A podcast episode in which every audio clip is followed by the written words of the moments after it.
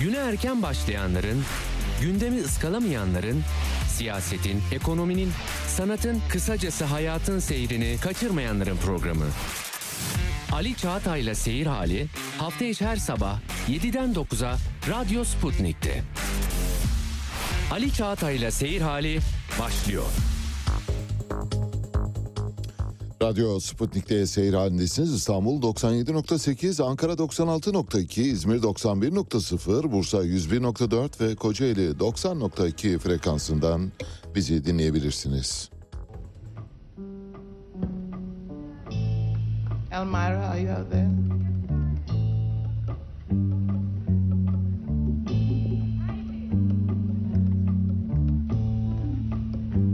Four women.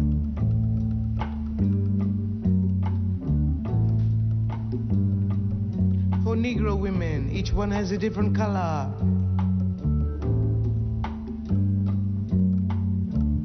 Jaune, noir, brune, correct? Brune.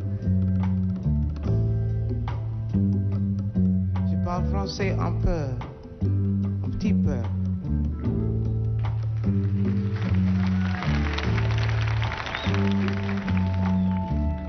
So I hope you understand this. It is a picture of four different women, Negro women.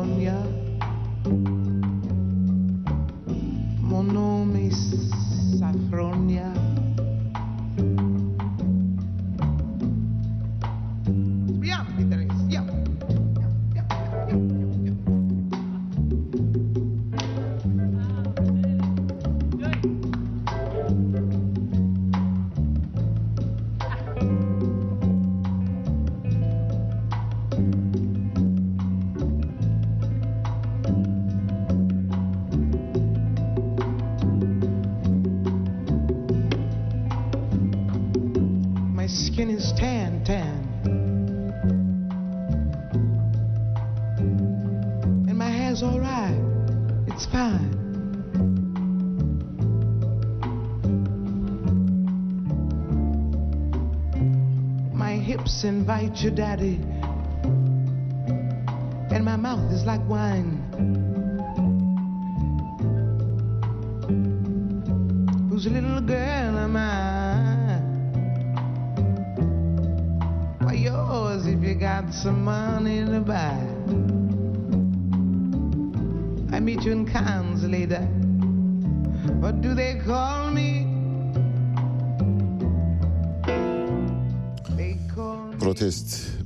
Müzisyen ve aktivist Nina Simon'dan size parçalar seçtik bugün.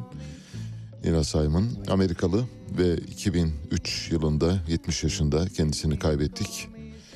Amerikan siyahilerin tarihinde çok çok önemli bir yere sahip Martin Luther King kadar önemli bir yeri olduğunu söyleyebiliriz. Doğumdaki adıyla Eunice Catlin Wayman bir insan hakları savunucusu ve jazz, blues, soul ve R&B müziklerinin temsilcisi aynı zamanda.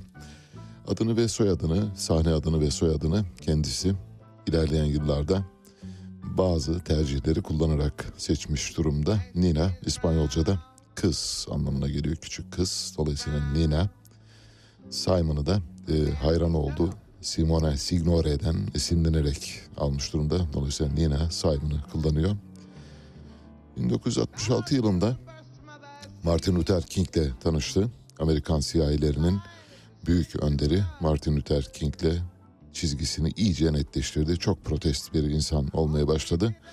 Sahnelerdeki konserleri artık bu gözle izlenmeye başladı. Irkçılık ve savaş karşıtı görüşleri vardı ayrıca.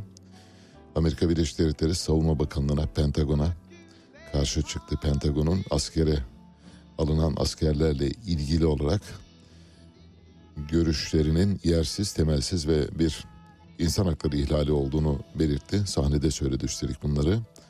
Bunun üzerine sürgünden sürgünlere doğru geçmek zorunda kaldı maalesef. Önce Avrupa'ya geçti, arkasından Liberya'ya, oradan İsviçre'ye, Hollanda'ya, Belçika, İngiltere. Sonra Fransa'ya yerleşti ve Vietnam Savaşı'nı protesto etti, vergi ödemedi. Vietnam Savaşı'na karşı çıkanlardan biri de Muhammed Ali Clay'di bildiğiniz gibi askerlik yapmadı. O da aynı şekilde cezaevine girmek zorunda kaldı. Amerika'daki dinleyici kitlesinden gelen aşırı talep üzerine 2001 yılında bütün bu sürgünlerden sonra Carnegie Hall'de bir konser verdi ve yer yerinden oynadı deyim yerindeyse.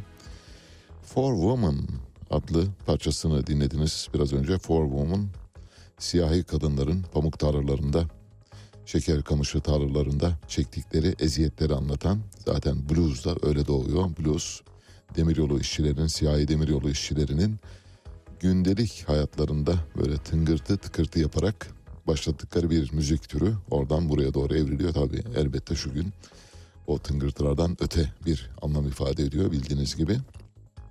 Çok önemli bir parçası var. Onu bugün çalmayacağız belki ileride çalarız size. Mississippi Goddam. Mississippi Goddam'da dört siyahi küçük çocuğun dramını anlatıyor. Yine Nina, Nina Simon. Evet başlıyoruz. Bir spor haberiyle başlayacağız. Dün bir izleyicimiz hatırlattı. Daha doğrusu hatırlattı derken bir izleyicimizin dikkatinden kaçmış. Bendeniz spor haberlerini başarılı, iyi, güzel spor haberlerini güne iyi başlayalım diye öne alıyorum genellikle. Ve voleybol kadın milli takımımızın başarılarından söz ederek başladım dün. Ampute milli takımının da büyük bir başarısı vardı. Onu es geçtiniz dedi. Geçmedim. Pazartesi günü hatırlarsanız birinci haberimiz kadın voleybol takımının haberiydi. İkinci haberde ampute milli takımının başarısıydı. Atlamadık yani onları ihmal etmiyoruz hatta. Bugün onlarla başlayacağız. Ampute milli takımımız 2022 Dünya Kupası'nda önce Meksika'yı yendi 5-0 çeyrek finale yükseldi. Arkasından da Fas'ı 4-1 yenerek yarı finale yükseldi. Muhtemelen finali oynayacak ve finalde de kupayı kaldırabilecek durumda. Dünyanın en iyi takımı şu anda en iyi ampute takımı bizde. Karşılaşmalar İstanbul'da cereyan ediyor. Bildiğiniz gibi eğer giderseniz katılırsanız onlara destek vermiş olursunuz ve onları yüreklendirmiş olursunuz. Çünkü çok iyi oynuyorlar.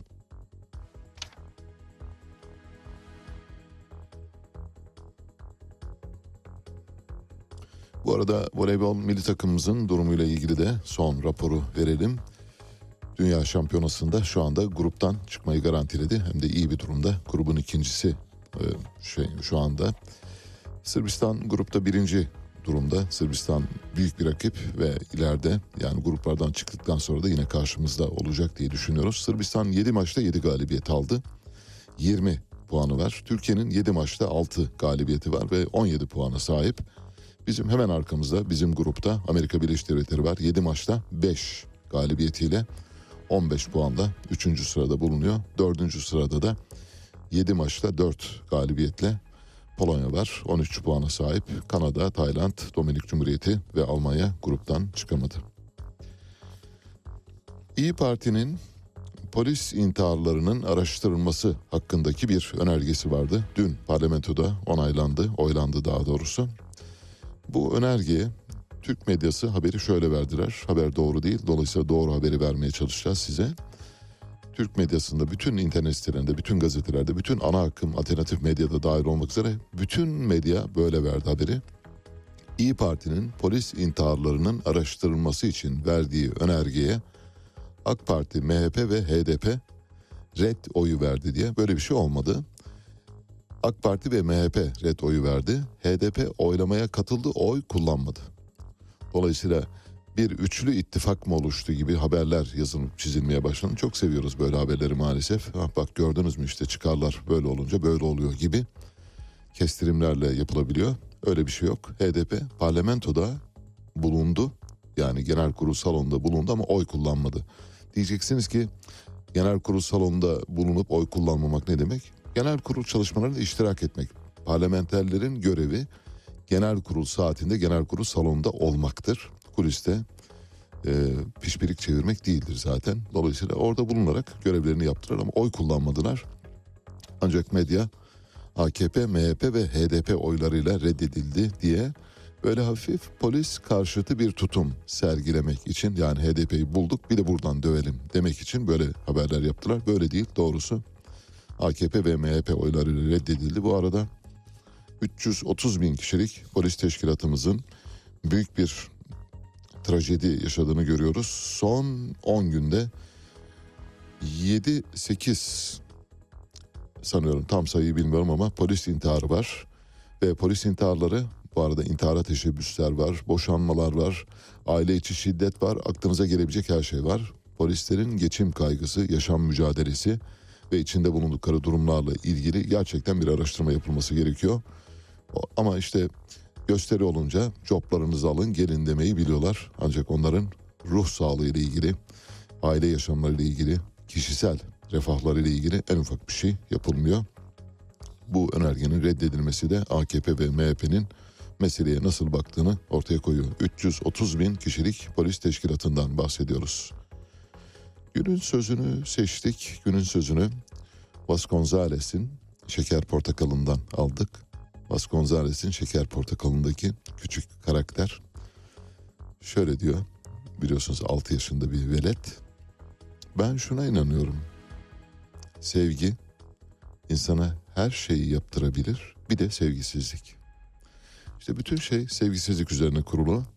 AK Parti ve MHP'li milletvekilleri memleketi sevmiş olsalardı polislerin durumunun araştırmasına ilişkin önergeye evet derlerdi. Sevgi her şeyi halleder. Bir de sevgisizlik. Sevgisizlikle sevgi yer değiştirdiği zaman birbirinden farklı sonuçlar ortaya çıkabiliyor. İnsanlar sevgiyle her şeyi yapabilirler. Bir de sevgisiz olunca yapabilirler. İşte polis teşkilatına karşı sevgisiz bir bloktan bahsediyoruz. Vladimir Putin Zorting diye bir site var bildiğiniz gibi Zaytung gibi bir, bir anlamda Zaytung'a çok benziyor ama çok güzel şeyler yazıyorlar. Yani Zaytung'u geçemediler henüz ama onları da takip etmenizi tavsiye ederim. Zorting. Zorting şöyle diyor. Putin iki nokta üst üste Macaristan'a bu kış doğalgazı bedava verdiğimi duyan Erdoğan hemen aradı. Hani senle birlikte dondurma yalamıştık ya dedi.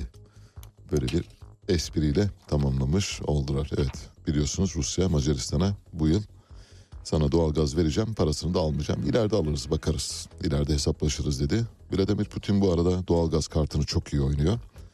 Mesela doğalgaz kartını çok iyi oynadığını nereden biliyoruz? Macaristan'ı yanında tutmaya çalışıyor. Sırbistan'ı yanında tutmaya çalışıyor. Onlara indirimli, uzun vadeli, geç ödemeli, e, ötelemeli doğalgaz vermeye devam ediyor.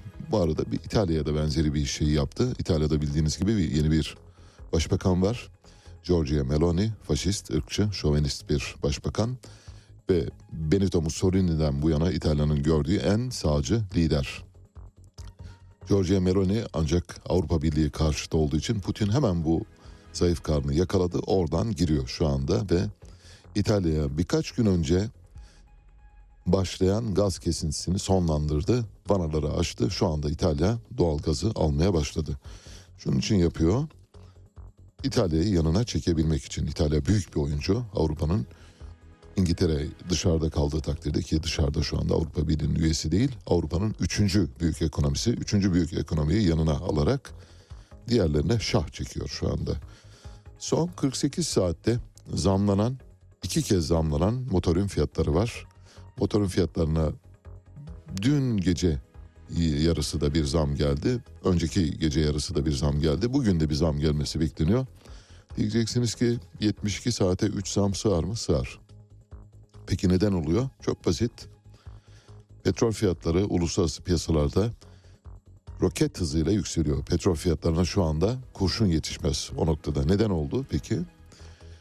OPEC ve OPEC Plus ülkeleri Suudi Arabistan, İran ve benzeri ülkelerin başını çektiği OPEC ülkeleri ile OPEC Plus. OPEC Plus'ın en büyük üyesi Rusya bildiğiniz gibi birlikte hareket ediyorlar. Bir e, OPEC'in bir organı gibi davranıyor şu anda OPEC Plus ülkeleri ve dünya petrol arzını geçen hafta 1 milyon varil azalttılar. Yani petrolü kıstılar. Petrolü kısınca petrol oradan 85 dolardan 88 dolara geldi. Hemen anında anlık bir veriden bahsediyorum. Dün de OPEC, OPEC Plus ülkeleri petrol arzını yani üretimini 1 milyon varil daha kısmaya karar verdiler. 2 milyon varil oldu. Ve dün itibariyle petrol 90 doların üzerine çıktı. Dün Goldman Sachs'ın tahmini yıl sonunda petrolün 110 dolar olacağı yönünde. Morgan Stanley'in tahmini de 100 doların üzerine çıkacağı yönünde. Ben deniz kendi tahminimi de yapıyorum. Eğer işler böyle giderse oralara çıkmaz. Yani 100 doları görmeyiz. 110 dolar zaten olmaz. Neden? Çünkü dünya resesyona giriyor. Bir süre sonra daha az petrol kullanılacak. Daha az petrol kullanıldığı için petrole olan ihtiyaç azalacak. OPEC'in kısıntısı da istenildiği kadar etkili olmayacak. Bu yüzden benim tahminim 95 dolarlar, 96 dolarlar civarında bir yıl sonu petrol rakamı görebiliriz. Metin Feyzoğlu Lefkoşa Büyükelçisi oldu. En sonunda muradına erdi. Eski Barolar Birliği Başkanı, eski Cumhuriyet Halk Partisi Parti Meclisi üyesi. Hani böyle bir an aldanmış olsaydık, bir an e, kapılmış olsaydık rüzgarına işte genç, e, dinamik, eğitimli falan gibi şeyler var ya böylesi kriterler var. Tabii bunlar önemli bir liderde olması gereken özellikler ama bunlar olması, bunların olması da tek başına bir şey ifade etmiyor. Örneğin Metin Feyzoğlu'nu mesela şu anda Cumhuriyet Halk Partisi'nin başında ve Cumhurbaşkanlığı koltuğuna doğru yürüyen biri olarak gördüğünüzü düşünün. Hiçbir ilkesel tutum olmayan bir kişiden bahsediyoruz. Neredeyse bütün söylediklerini unuttu ki kendisi geçmişte Ali İsmail Korkmaz'ın avukatlığını da yaptı. Yani hani böylesi önemli işlere de imza atmış birisi. Savruluyor şu anda Metin Feyzoğlu oradan oraya savruluyor. Kısmetinde bu varmış kusura bakmasın. Hani Londra olmadı, Pekin olmadı, Moskova olmadı, Washington olmadı. E vallahi işte size bula bula Metin Bey Lefkoşa'yı bulduk. Siz orada biraz dinlenin sonra bakarız dediler. Metin Feyzoğlu'nun siyasal iktidara büyük katkıları var. Hangi katkı? Mesela baroların çoklu baro sistemine geçmesinin mimarı kendisidir. Bizatihi bu yasanın hazırlanmasında emeği vardır ve o dönemde kampanya yürüttü. Şu anda Ankara'da, İstanbul, İzmir gibi büyük kentlerde birden çok baro var. Birden çok baronun mimarı Metin Feyzoğlu karşılığında aldığı ödül de Lefkoşa Büyükelçiliği. İdare etsin artık onunla idare etsin geldiği yere kadar. Yeni Şafak bugünlerde bankalara yükleniyor. Havuz medyasının amiral gemilerinden bir tanesi. Amiral gemisi demeyelim de işte Armada'nın önemli parçalarından bir tanesi. Yeni Şafak'ta şöyle bir haber çıktı dün. Bankalar yüzde 12 faiz oranıyla aldığı kaynakları ihtiyaç kredisinde yüzde 25, ticari kredilerde de yüzde 40 oranla vatandaşlara veriyor. Ne demek istiyor? Bankalar çok para kazanıyor. Çok düşük faizle Merkez Bankası'ndan arka kapıdan yüzde on ile aldıkları parayı götürüp vatandaşa yüzde kırkla çakıyorlar. Şimdi bankalara çakıyor Yeni Şafak. Yeni Şafak daha önce bunu başka bir mesele için yapmıştı hatırlarsanız. Mesela Naci Ağbal döneminde Naci Ağbal'ın Merkez Bankası Başkanlığı döneminde Naci Ağbal peş peşe faiz artışları yapmaya başlayınca bu Merkez Bankası Başkanı kime hizmet ediyor diye haberler yaptılar. Bir hafta sonra da Naci Ağbal gitti zaten. Şimdi burada da bankalar sistemiyle ilgili bir eleştirel yaklaşımda bulunuyor. Muhtemelen bir süre sonra Reisi Cumhur Hazretleri bankalara bir diskur verecek, bir ayar verecek gibi gözüküyor. Çünkü bu bankalar kime hizmet ediyor haberleri çıkmaya başladı. Yeni Şafak bu konuda etkili bir yayın organı. Yeni Şafak'ın yazdıklarını Sayın Cumhurbaşkanı dikkatle takip ediyor. İçişleri Bakanı Süleyman Soylu geçtiğimiz günlerde hatırlayacaksınız yani geride kalan, kalan günlerde Hakan Ural'ın programına çıkmıştı. Arkasından önceki günde Alişan'ın programına çıktı. Şimdi ben sırada mesela Sibel Can'ın programına çıkmasını bekliyorum. Orada biliyorsun böyle kaynatıyorlar. Ee, Hüsnü Şenlendirici ile beraber klarnet eşliğinde müthiş şeyler yapıyorlar. Oraya çıkmasını bekliyorum. Arkasından da Acun'un Survivor'ına katılmasını istiyorum. Sayın Süleyman Soylu'nun mesela bu tür programlara neden katılır? Neden katılma gereği duyar? Bilmiyorum. Çıkın böyle aklı başında birkaç gazetecinin huzurunda tabii öyle Veys Ateş gibi adamlar değil elbette. Çıkın orada kendinizi ifade edin ama öyle yapmıyorsunuz. İşte çıkıp istediklerinizi söyleyebileceğiniz, ağzınıza lafınızın tıkanmadığı, istediğinizi söylediğinizde aa o öyle değil bu böyle diyen bir gazeteci olmadığı için böyle şakır şakır bülbül gibi konuşabiliyorsunuz. Dış politikaya ilişkin iyi gelişmeler var. Sayın Cumhurbaşkanı alışılmış bir siyasetçi değilim. Suriye Cumhurbaşkanıyla da görüşebilirim diyor. Evet alışılmış bir siyasetçi olmadınız ortada. Bunu 20 yılda biz e, deneyimledik. Elbette Beşar Esad'la görüşmenizi isteriz. Görüşülmesi gerektiğini düşünüyoruz. Hatta çok geç kaldığını düşünüyoruz. 2010'da Ahmet Davutoğlu'nun da katkısıyla ortaya çıkan bu durumun düzeltilmesi için hala vakit var ve Beşar Esad'la görüşüldüğü takdirde Suriye ile yakın ilişkiler kurulduğu takdirde Suriye yeni bir ihraç pazarımız olacaktı. 2010'da henüz Suriye'de iç savaş başlamadan önce Suriye bizim 3 numaralı ihraç pazarımızdı. 1 numara İngiltere, 2 numara Irak, 3 numara Suriye'ydi. Her ne varsa bizden alıyorlardı. Ve birdenbire bu pazarı kendi elimizde kapattık. Altın yumurtlayan tavuğu kestik. Bu olumlu bir adım. Bir olumlu adım da Suriye ile yapılan, e, atılan olumlu adımın ardından bir de İsrail'le atılan olumlu adım var. Dört yıl aradan sonra İsrail'e bir büyükelçi atıyoruz. Her ikisi de son derece yerinde doğru, akılcı, mantıklı ve çıkarlarımıza denk düşen yaklaşımlar. Birleşmiş Milletler'de bir oylama oldu. Bu oylamanın konusu Çin'deki Uygur Türklerine uygulanan zulmün araştırılmasıydı. Şimdi dikkatle dinleyiniz. Hani böyle Müslüman ülkeler bir kamp yaptılar. Müslüman ülkeler Müslümanları kolladı falan diyorsunuz ya öyle bir şey yok dünyada. O kendi kendimize iç politikada kullandığımız bir malzeme. Biz Müslüman ülkeyiz, Müslümanları savun. Yok öyle bir şey. Müslümanlar hiçbir yerde birbirlerini savunmuyorlar. Hatta Müslümanlar birbirlerinin ayağına basıyorlar. Mesela bu önergeye Uygur Türklerinin durumları araştırılsın önergesine, zulüm araştırılsın önergesine Müslüman ülkeler içinde bir tek ülke oy verdi biliyor musunuz? Olumlu. Hristiyanlar verdi bu arada onu söyleyeyim. Bir tek Somali evet dedi. Bunun dışında Mısır'dan Tunus'a, Fas'tan Cezayir'e, Libya'dan Suudi Arabistan'a kadar herkes aleyhte oy verdi. Hani Müslüman bir antiteye karşı bir şey yapıldığı zaman siz harekete geçiyorsunuz. Böyle bir şey yok. Uluslararası arenada uluslararası çıkarlar konuşur. Uluslararası çıkarların olmadığı yerde de zaten hiçbir şey konuşulmaz. Somali elbette orada farklı bir güdülemeyle hareket ediyor. Elbette burada Uygurların Türk orijinli olmaları da Müslüman ülkelerin bu oylamada böyle biraz karşı durmalarının alt zihin altı okuması olabilir. Bir hatırlatma yapalım. Bildiğiniz gibi balyoz, Ergenekon balyoz ve askeri casusluk gibi pek çok FETÖ kumpasının son halkası olan 28 Şubat davasında Şu anda 13 komutan tam tamına 414 gündür cezaevinde bulunuyorlar. En genci 74 yaşında, en yaşlısı 90 yaşında. 414 gündür orada yatıyorlar.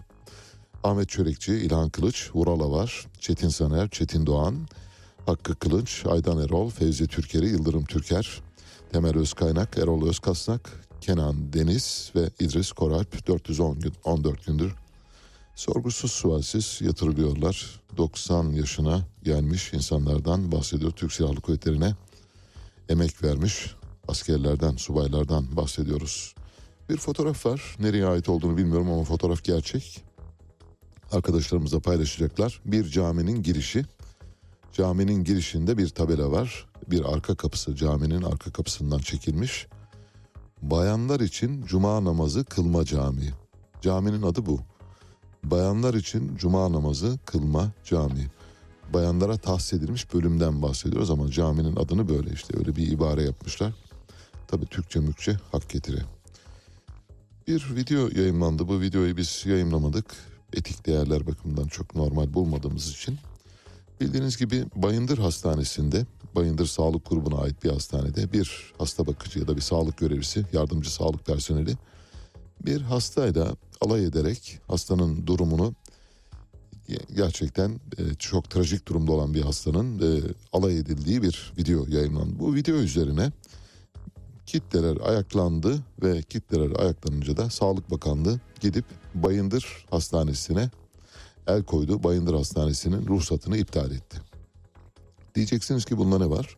Çok şey var. Bir defa olay vakayı adiyeden ibaret bir, iki. Bağışlanabilir bir olay demiyorum. Sakın öyle düşünmeyiniz.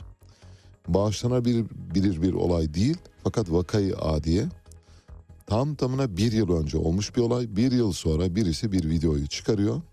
Bunun üzerine bir hastaneye el konuluyor. Hastane kapatılıyor, ruhsatı elinden alıyor. Hastane kime ait? İş Bankası'na ait. Nasıl?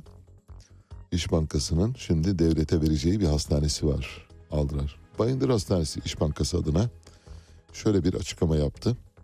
Sosyal medyada yayımlanan ve kabul edilmesi hiçbir surette mümkün olmayan görüntülerden ve bu müessif hadiseden dolayı derin bir üzüntü içindeyiz. 31 Ocak 2022 tarihinde bakınız 31 Ocak 2022'de İstanbul İçerenköy'deki hastanemizde eski bir çalışanımız tarafından çekildiği belirtilen çeşitli görüntü ve ses kayıtları bulunduğu kendisi tarafından hastane yönetimine şifai olarak ihbar edilmiştir. Söz konusu bildirim üzerine haklarında ihbar ve ithamda bulunulan şahıslar hemen eş zamanlı olarak soruşturmanın selameti açısından görevden el çektirmiş kendileri hastaneden uzaklaştırmış gerekli soruşturma tıbbi etik ve disiplin kurullarımız tarafından titizlikle ve çok yönlü olarak sürdürülmüştür. Devamını okumuyorum. Diyor ki hastane vallahi biz gereğini yaptık. Olay son derece eski. Her şey tamamlandı, soruşturma bitti, neredeyse cezalar verildi. Ancak Bayındır Sağlık Grubu olarak yaşanan bu son derece müessif hadiseye dair hukuki sürecin en yakın takipçisi olduğumuzu, olacağımızı ve tüm kamuoyunun bilgilerine sunarız diyor. İş Bankası'nın bir iştirakinden bahsediyoruz şu anda el konulmak üzere. Cumhurbaşkanı, eski Cumhurbaşkanı Abdullah Gül ve pek çok kimse bu arada Bülent Arınç, Kemal Kılıçdaroğlu'nu başörtüsüyle ilgili yasal düzenleme konusunda desteklemeye başladılar. Desteklediler, desteklerini açıkladılar. Abdullah Gül, Kılıçdaroğlu'nun başörtüsü çağrısına kamuda başörtüsü serbestliğini içeren yasa teklifini Büyük Millet Meclisi Başkanlığı'na sunmasına destek verdi. Şimdi bakın desteğin geldiği yerlere şöyle bir yöneleceğiz. Bülent Arınç'tan da geldi. Hani diyeceksiniz ki peki normal mi? Evet bence normal ancak birden çok. Şimdi bu arada mesela Şahan Gökbakar, Recep İvedik diyelim. Kendisi de bu mesele konusunda Kemal Kılıçdaroğlu'nun yanlış yaptığını düşünenlerden. Şahan Gökbakar Kemal Kılıçdaroğlu'nun yanlış yaptığını düşündüğünü ifade edince Akit gazetesi Şahan Gökbakar'a saldırdı. Nasıl? Bakın şimdi Kemal Kılıçdaroğlu'nun etrafındaki Majino hattına bakın. Bülent Arınç sağında, Abdullah Gül solunda, arkasında da yeni Akit var. Nasıl? Nasıl bir ittifak? Nasıl? Muhteşem değil mi? Dehşetengiz bir ittifak. Demek ki çıkarlar ve yönelimler her ne olursa olsun insanlar sonuçta gelip kendi düşündüklerine uygun olan insanları seçmeye gayret ediyorlar. Kemal Kılıçdaroğlu'na hayırlı olsun bu ittifak bu arada. Bu Kemal Kılıçdaroğlu yaptığını doğru buluyorum. Onu da bir dipnot olarak belirtmiş olalım. Şimdi bir ses kaydı dinleteceğiz. Ses kaydı Kuzey Kıbrıs'tan, Kuzey Kıbrıs parlamentosundan orada görev yapan milletvekillerinden Derya Doğuş. Derya Doğuş genç bir milletvekili hanım, hanımefendi. Çok etkili bir konuşma yaptı. Ben bu konuşmayı dinledikten sonra aynen şöyle dedim. İşte bu dedim. Türkiye Cumhuriyeti parlamentosunda 600 milletvekilinden biri tarafından dahi yapılmış olsa her şeyimiz değişebilir ama öyle öyle bir milletvekili çıkaramadık maalesef. 600'de 1, 600'de 0. O kadar etkili, o kadar yerli yerinde, o kadar düzgün bir konuşmaydı ki konuşmayı dinledikten sonra şöyle düşünüyorsunuz. Diyorsunuz ki bu bir Batı uygarlığının, Batı demokratik değerlerinin yansıması. Şimdi burada Batı demokratik değerleri deyince Batı'ya hayran olduğumuzu falan düşünmeyin. Öyle bir kaygıyla hareket etmiyoruz. Sadece şu. Batı bir ütopyanın adıdır. Bu ütopyanın içinde demokrasi vardır ve biz de demokrasiye aşığız. Bütün hikaye bu. Demokrasiyi temsil ettiği için bu konuşmanın çok etkili ve iyi olduğunu düşünüyorum. Herkesin dikkatle dinlemesini istirham ediyorum. Parlamenterlerden de dinleyenler varsa lütfen dinlesinler, bir köşeye yazsınlar. Böyle Muharrem İnce gibi böyle hamasi nutuklar atan insanların peşinden koşmasınlar. İşte böyle şeylere biraz kafa yorsunlar lütfen. dönemlerinde insanları işte yoksullaşma konuşmasın, e, yaşanan şiddet. Bir müzisyen Türkiye'de istek parçayı çalmadığı için öldürüldü ya dün. Nedir senin söylediğin? Nedir söylediğin? Çocuk istismarı yüzde 1500 oldu. Bir işte sarayları olan ama sosyal devlet olmayan bir yer seçime giderken ne yapar biliyor musun? Savaş tehdidini artırır. Bazen Suriye olur bu, bazen Yunanistan olur bu. Birilerini öteki ilan etmek zorundadır ki kendi seçmenini konsolide etsin. Ve Kıbrıs'ta şu anda bu anlamda bir repertuar. Yunanistan sürekli açıklama yapıyor. Türkiye diyor e, istediği kadar provoke etsin biz savaş yapmayacağız diyor. Ha oradaki yönetimin de çok akıllı olduğunu düşündüğümden değil. Ama birileri milliyetçilik yarışına girdi diye bu ülkenin evlatlarının geleceği ortadan kalkıyor. Ben bundan bahsediyorum. Bir Kıbrıslı yurtsever bir Kıbrıslı Türk olarak konuşuyorum.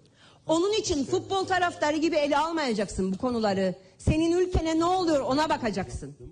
Biz bu ülkede silahlanmaya karşı her türlü militarist hareketin kendisine karşı federal çözümü, siyasi eşitliğe dayalı iki bölgeli, iki toplumlu federal çözümü savunmaya devam edeceğiz. İsteyen istediği yerde hamasetini yapsın.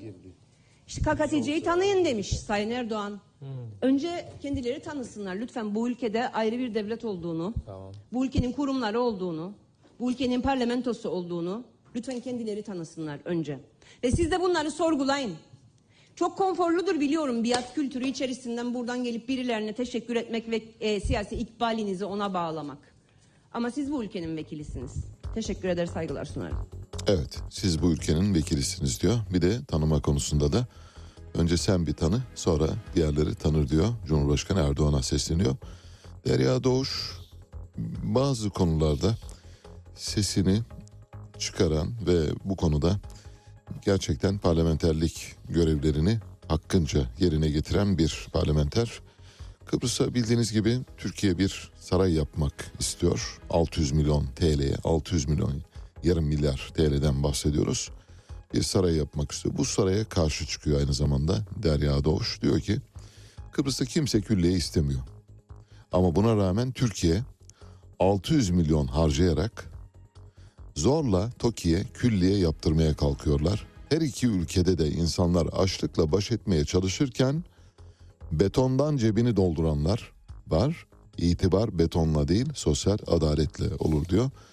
İmzalanan sözleşmede de işte Kuzey Kıbrıs Türk Cumhuriyeti ile Türkiye Cumhuriyeti yani Ankara'nın bu projeyi birlikte yürütecekleri herhangi bir gecikmeye mahal verilmeyeceği kısa zamanda tamamlanacağı isteniyor ve Lefkoşa'ya bir 600 milyonluk saray yapılacak. Bu saray hastalığı bize nereden geliyor derseniz vallahi Vahidettin'den geliyor. Abdülhamit'ten geliyor, her yerden geliyor. Hazırsanız küçük bir Vahdettin dosyası açalım. Bu arada epistemolojik kopuşla ilgili dosyayı ikmal ettim. Bugün epistemolojik kopuş üzerine bir nutuk irade edeceğim size.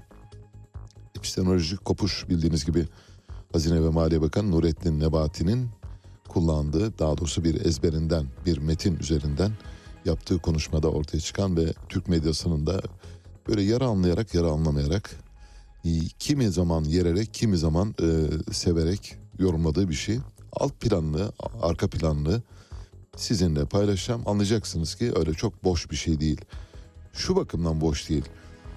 Epistemolojik kopuşun bir alt metni var ve çok sağlam bir alt metin bu. Bu sağlam alt metin ta Marx'a, Althusser'e, Ricardo'ya kadar gidiyor. Oraya kadar götürüp oradan bu tarafa doğru getireceğim. Ama diyeceksiniz ki bu sağlam bir alt metine dayalı olarak yazılmış olması bunu bu konuşmayı haklı kılar mı? Elbette değil. Çünkü zaten Marx'ın epistemolojik kopuş diye nitelenen çıkışı dünyanın bir bölümünü dönüştürmeye dönük olduğu için önemlidir. Siz Türkiye'de yüzde 85 enflasyon kurun iki katına çıktığı bir ortamda işsizliğin kol gezdiği, cari açın boy verdiği bir ülkede çıkıp tek başınıza bütün dünyayı değiştirebileceğinizi varsayarak bir yeni iktisadi doktrin inşa ediyorsunuz. Şimdi burada o iktisadi doktrine atfedilen önemle Marx'ın doktrine atfedilen önemi yan yana koyun. Tabii ki birbiriyle kıyaslanamaz. Yani pirelerle develer arasındaki ilişki kadardır. O kadardır bağıntı ama yine de alt metni çok sağlam olduğu için size bir epistemolojik kopuş hikayesi anlatacağım. Böyle saraylara çok meraklıyız dedik. Saraylara meraklı olmamızın sebebi Osmanlı fütuhat geleneğine fena halde sarılmış durumdayız. Bildiğiniz gibi son 20 yılda Kuruluş Osman, Diriliş Ertuğrul, Payitaht Abdülhamit gibi böyle saçma sapan tarihle uzak yakın alakası olmayan diziler yapılarak halkın beyni iyi diş edildi. Bu yüzden de herkeste böyle bir Vahdettin sevgisi var. Abdülhamit hayranlığı var, şu var, bu var falan. Her seferinde söylüyorum bir kez daha söyleyeceğim. Bir daha söylememek isterim şahsen kendimi tutabilirsem. Biz evet Fatih'in torunlarıyız. Kanuni'nin torunlarıyız. Yavuz Sultan Selim'in torunlarıyız. Üç kıtayı atlarının nallarıyla damgalamış bir geçmişin ahvadıyız tamam. Ama ve lakin biz aynı zamanda Deli İbrahim'in, Deli Mehmet'in ve Deli Mustafa'nın da torunlarıyız. Bunu da unutmamak lazım. Bir kenara yazınız. Yani biraz akıllıyız, biraz deliyiz. Bu yüzden de böyle Osmanlı hayranlığı boş ve gereksiz Osmanlı hayranlığı alıp başını yürüyor. AK Partili Pendik Belediyesi İstanbul'un düşman işgalinden kurtuluş gününde bir caddeye Sultan Vahdettin adını verdi. Nasıl? On numara. Gerçekten. İstanbul'un kurtuluş gününde. Şimdi İstanbul'un kurtuluşuna kim vesile oldu? İstanbul'u kim İngilizlere teslim etti derseniz işte o teslim eden kişi Vahdettin yani Pendik'te adı caddeye verilen padişah hazretleri bizzati kentin anahtarını İngilizlere teslim eden kişidir. Vahdettin'i biraz yakından tanımak isterseniz kendisi bir defa tahtın varisi olma şansını son anda bir şüpheli cinayetle kazanmış bir ve veliahttır. Oraya gireceğim yani nasıl çok tesadüfi böyle hani o cinayet olmamış olsaydı ya da o ölüm olmamış olsaydı muhtemelen şu anda biz Vahdettin diye birinden bahsetmiyor olabilirdik. Kaderimiz değişir miydi? Çok emin değilim. Ee, iyiye doğru gider miydik? Ondan da çok emin değilim. Daha mı kötüye giderdik? Ondan da emin değilim. Saltanatı tam adı 6. Sultan Mehmet. Vahdettin adını daha sonra kendisine uygun görenler 6. Mehmet demek yerine Vahdettin demeyi tercih ettikleri için kullanıldı. Saltanatı döneminde Mondros imzalandı. Mondros ne? Türkiye'nin geleceğinin karartıldığı anlaşmanın adıdır. Sevr ve Mondros anlaşmaları iki anlaşmayla Türkiye'nin geleceğine ipotek konulmuştur. Mondros anlaşmasını imzalayan kişi Vahdettin'in bizzati kendisidir. El Ceyzi ile imzalamıştır. Birinci Dünya Savaşı'ndan yenik ayrıldık bildiğiniz gibi. İstanbul işgal edildi. Ve İngilizlerin baskısı üzerine de Meclis-i Mebusan kapatıldı. Kim vardı tahtta? Vahdettin vardı. Bütün bunlar olurken seyrediyor muydu? Evet seyretti maalesef. 17 Kasım 1922'de ülkeden ayrıldı. Malta'ya gitti. Bir İngiliz zırhlısına binerek, kaçarak. İngiltere'ye gitmek istedi ama İngilizler dediler ki hayır bize gelmeyin. Biraz uzakta durun Malta'ya gidin sonra biz sizi alırız dediler. İngilizler almadı. Sonra San Remo'ya, İtalya'ya oradan Suriye'ye kadar gitmek zorunda kaldı. Sultan Abdülmecid'in 8. oğludur kendisi Vahdettin. Kendisinden önce tahta geçen abileri var. Bir tanesi 5. Murat, öbürü 2. Abdülhamit, öteki de 5. Mehmet. Üçü sırayla tahta geçtiler. Çok küçük yaşta anne ve babasını kaybetti. Yetim büyüdü, öksüz büyüdü. Abdülmecit'in ikballerinden Şayeste Hanım tarafından büyütüldü. Bir yani süt anne gibi düşünmek lazım. Geçiş sıralamasında çok aşağılarda olduğu için gözden uzak bir yaşamı vardı. Yani kendisinden önce 3 veliaht var. Bir de biraz sonra söyleyeceğim bir kaza sonucu ölen bir veliaht var. Dolayısıyla kendisine sıra gelmeyeceği düşünülerek ona böyle fındık fıstık muamelesi yapıyorlardı haremde ve şeylerde saray ötesinde ya da kafeste.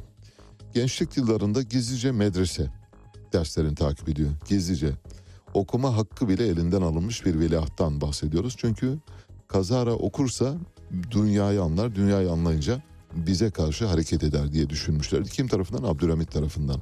Abisi, abisi Abdülhamit tarafından aman bu okumasın öğrenmesin diye gizli gizli okuma yazma öğreniyor. Evleneceği zaman Cemile Sultan ablası diyor ki seni evlendireceğim. Nazike'de hanımla evlendireceğim diyor ama başka bir kadınla evlenmeyeceksin diyor. Nazike'denin de şartı bu. Tamam diyor evleniyor. Nazike'de hanımdan iki çocuk dünyaya getiriyor Vahdettin. Fakat sonra şimdi buraya dikkat edin. Bir doktor raporuyla Nazike'de hanımın bir daha çocuk sahibi olamayacağına dair bir rapor veriliyor. Bunun üzerine Vahdettin tekrar evleniyor. Zaten İngilizler e, İstanbul'u işgal ettikleri zaman ve Anadolu'da kurtuluş mücadelesi verildiği zaman Padişah Hazretleri uçkurunun derdindeydi. Yeni bir evlilik yapıyordu. Çok genç bir kadın aldı aynı yıllarda da. Ve ilk eşini de yani seni boşamayacağım ve senin üzerine kadın almayacağım dediği eşini de hileli bir raporla çürüye çıkarmıştır. Çocuk sahibi olamaz diye öyle bir şey yok. E, çünkü hekimler bunu padişahın emri üzerine vermişler. Bu arada padişaha yaranmak için, Abdülhamit'e yararlan, yaranmak için diğer şehzadeleri jurnal ediyormuş bulunduğu yerden, kafesten. Arada bir notlar gönderiyormuş. Haşmettim diyormuş falanca. Kardeşimiz sizin aleyhinizde şöyle bir tezgah planlıyor. Abdülhamit de ona hediyeler gönderiyor bu arada ama dışarı çıkarmıyor. Bildiğiniz gibi Abdülhamit'in büyük bir jurnal örgütü vardı. Ağzı Karalar diyorduk bu jurnal örgütüne. İşte Ağzı Karalar'ın bir üyesi olarak Vahdettin yetişmiştir. Abdülhamit'in jurnal örgütünün bir parçası. Tahta geçtiğinde Sultan Abdülaziz'in oğlu Yusuf İzzettin Efendi yani 5. Mehmet tahta geçiyor.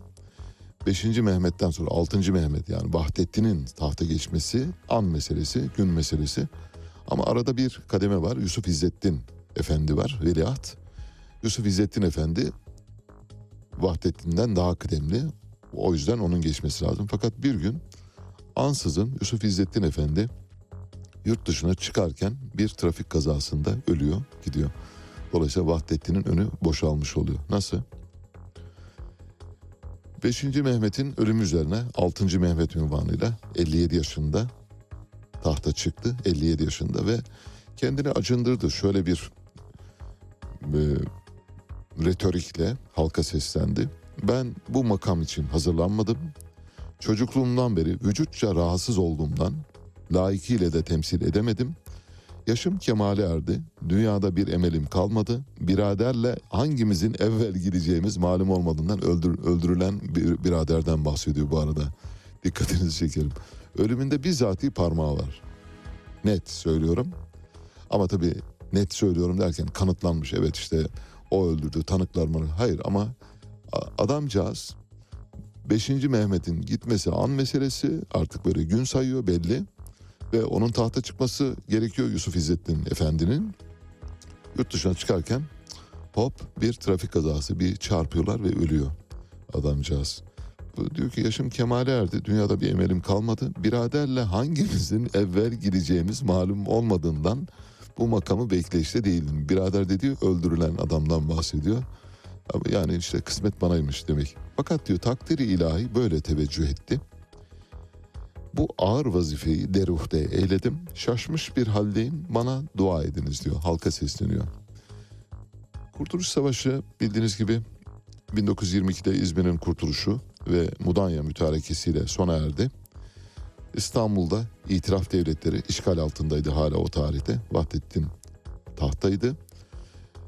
6 Ekim'de Büyük Millet Meclisi ordusunu temsilen Refet Bele komutasındaki bir askeri birlik İstanbul'a girdi. Vahdettin'in Mustafa Kemal ve dostları hakkında ölüm fermanı imzalamış olduğu günlerde oluyor bu. Bunun üzerine Refet Bey diyor ki padişah falan yok diyor kardeşim. Tasınızı tarağınızı toplayınız gidiniz diyor. Bunun üzerine tutuklanacağını anlıyor ve İngilizlere sığınıyor. İngilizler de onu bir zırhlıyla Malta'ya götürüyorlar. Ve o dönemde halk e, Vahdettin'in aslında iç kargaşa çıkaracağı iddiasıyla Dolmabahçe Sarayı önünde nümayişler de düzenliyor. En son Vahdettin'in çıkardığı yani böyle şeyden çıkardı diyelim. Şapkadan çıkardı bir tavşan var. O şapkadan çıkardığı tavşan şu. Amerikan başkanına bir mektup yazıyor son günlerinde. Ne zaman yazıyor biliyor musunuz? 13 Mart'ta yazıyor. Gitmeden bir ay önce yazıyor. Diyor ki Amerika Cemahiri Müttefikiye Reisi Monsieur Coolidge cenaplarına.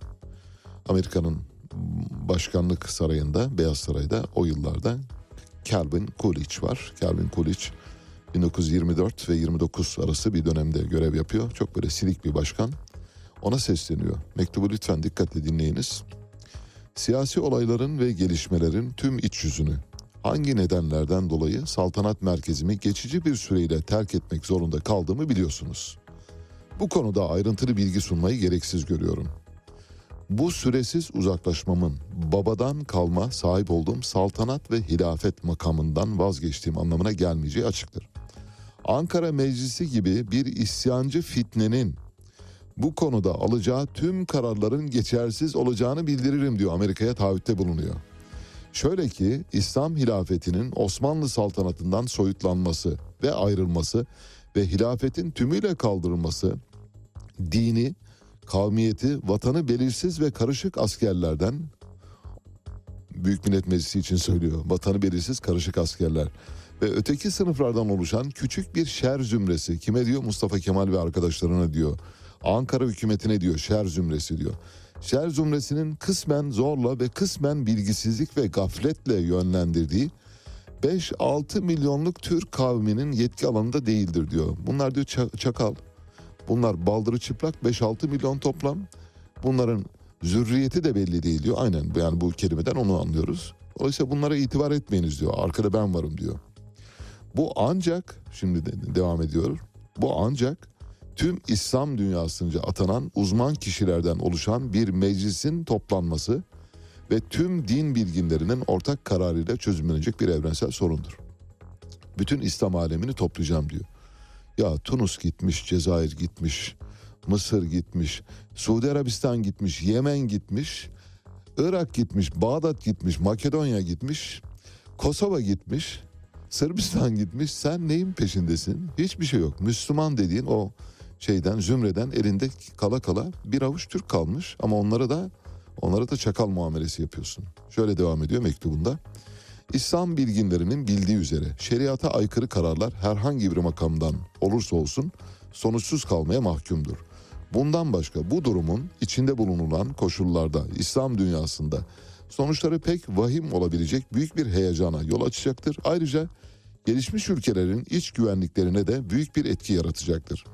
Hanedanın ileri gelenleri aleyhinde Ankara Meclisi tarafından kabul edilen sürgün ve kovma emlakine, bireysel mallarına el koyma gibi haksız kararları hanedanın bireylerini insan ve kişilik haklarından soyutlar mahiyettedir.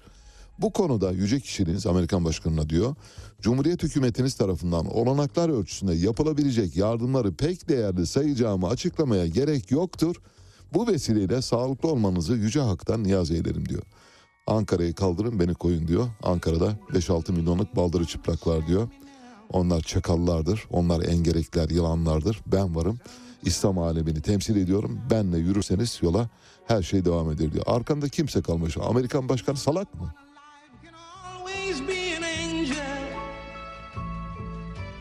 When everything goes wrong, you see some bad. But I'm just a soul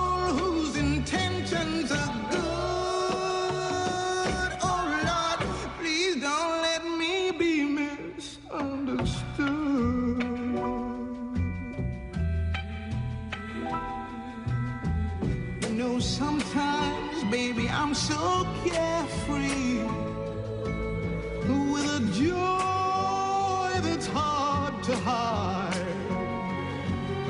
And then sometimes again, it seems that I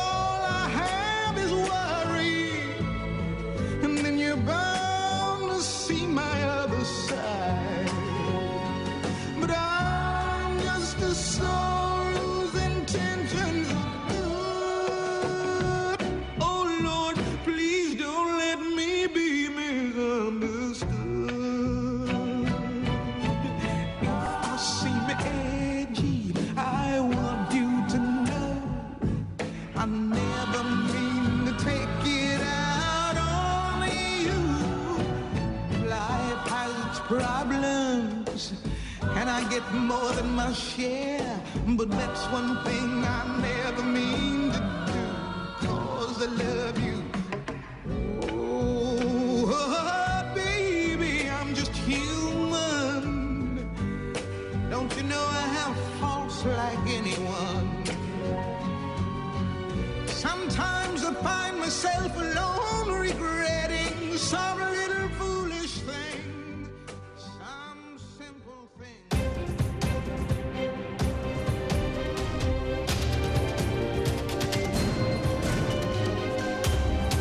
Radyo Sputnik.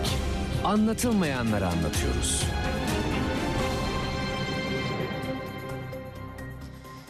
Mutlu sabahlar. Saatler 8'i gösteriyor. Ali Çağatay'dan mikrofonu aldık. Gündemden gelişmelerle sizlerleyiz. Ben Mehtap Yenidoğan. Önce özetler. Çekya'nın başkenti Prag'da Cumhurbaşkanı Recep Tayyip Erdoğan'a bir gece ansızın gelebiliriz sözleri ve Suriye Devlet Başkanı Beşar Esad'la görüşüp görüşmeyeceği soruldu. İstanbul'da yatalak hastaya kötü muamele görüntüleriyle ilgili 4 tutuklama var. Antalya, Muğla, Isparta, Konya başta olmak üzere birçok il için yağış ve fırtına uyarısı yapıldı. İstanbul'da da fırtına ve yağmur etkili. Ayrıntılar birazdan.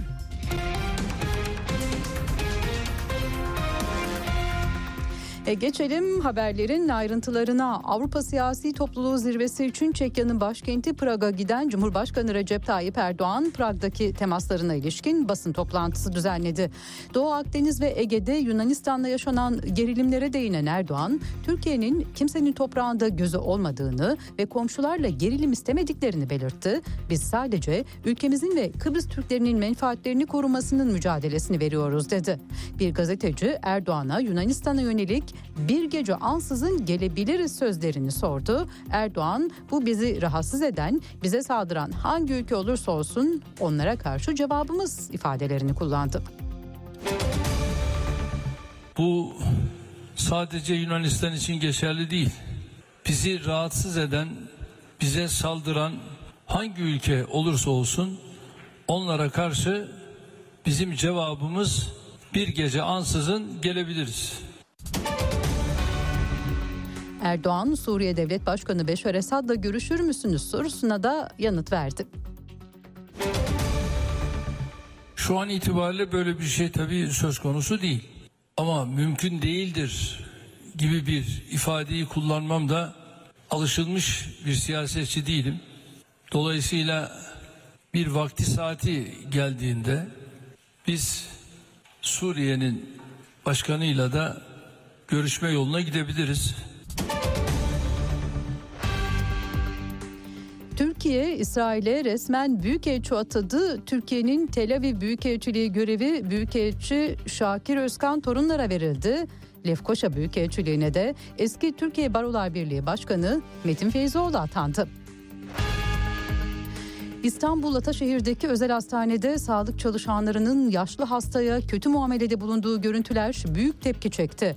Olayın sosyal medyada yayınlanmasının ardından Anadolu Cumhuriyet Başsavcılığı soruşturma başlattı. Soruşturma kapsamında 9 şüpheli gözaltına alındı. Şüphelilerden 4'ü tutuklandı, 3'ü adli kontrol şartıyla mahkemeden, ikisi de savcılık ifadelerinin ardından serbest bırakıldı. Bu arada hastanede görüntüsü çekilen hastanın olaydan 4-5 ay sonra hayatını kaybettiği öğrenildi. Spor haberleri var sırada. Ampute Futbol Milli Takımı İstanbul'da düzenlenen 2022 Dünya Kupası'nın çeyrek finalinde Fas'ı 4-1 yenerek yarı finale yükseldi. Milli takım yarı finalde Özbekistan'la karşı karşıya gelecek. Türkiye'nin temsilcileri dün Avrupa arenasında boy gösterdi. Fenerbahçe UEFA Avrupa Ligi'nde Larnaka'yı 2-0 mağlup ederek grubunda liderliğe yükseldi. UEFA Avrupa Ligi'nde Trabzonspor Monaco'ya 3-1 yenilirken Sivasspor Konferans Ligi'nde Balkani'ye 4-3 mağlup oldu. Konferans Ligi'ndeki Başakşehir ise Riga Skola deplasmanında golsüz berabere kaldı. Ve hava durumuyla bülteni noktalayacağız. Hava sıcaklığı kuzey, iç ve batı kesimlerde mevsim normallerinin altında. Bugün kıyı Ege, Doğu Anadolu ve Güneydoğu Anadolu'da hava parçalı ve az bulutlu. Türkiye'nin kalanında hava çok bulutlu ve sağanak yağışlı. Akdeniz'de yağmur, gök gürültülü sağanak şeklinde. Isparta, Konya, Afyonkarahisar, Burdur, Antalya ve Muğla'da yağmur kuvvetli, sel, su baskını, yıldırım riski var. Ayrıca dolu yağabilir. Öte yandan Marmara ve Ege kıyılarında Poyraz kuvvetli esiyor, ağaçlar ve direkler devrilebilir, çatılar uçabilir ve ulaşım aksayabilir. Yaşanabilecek olumsuzluklara karşı dikkat. Değerli dinleyenler haberleri sunduk. Ali Çağatay'la Seyir Hali programı kaldığı yerden devam edecek.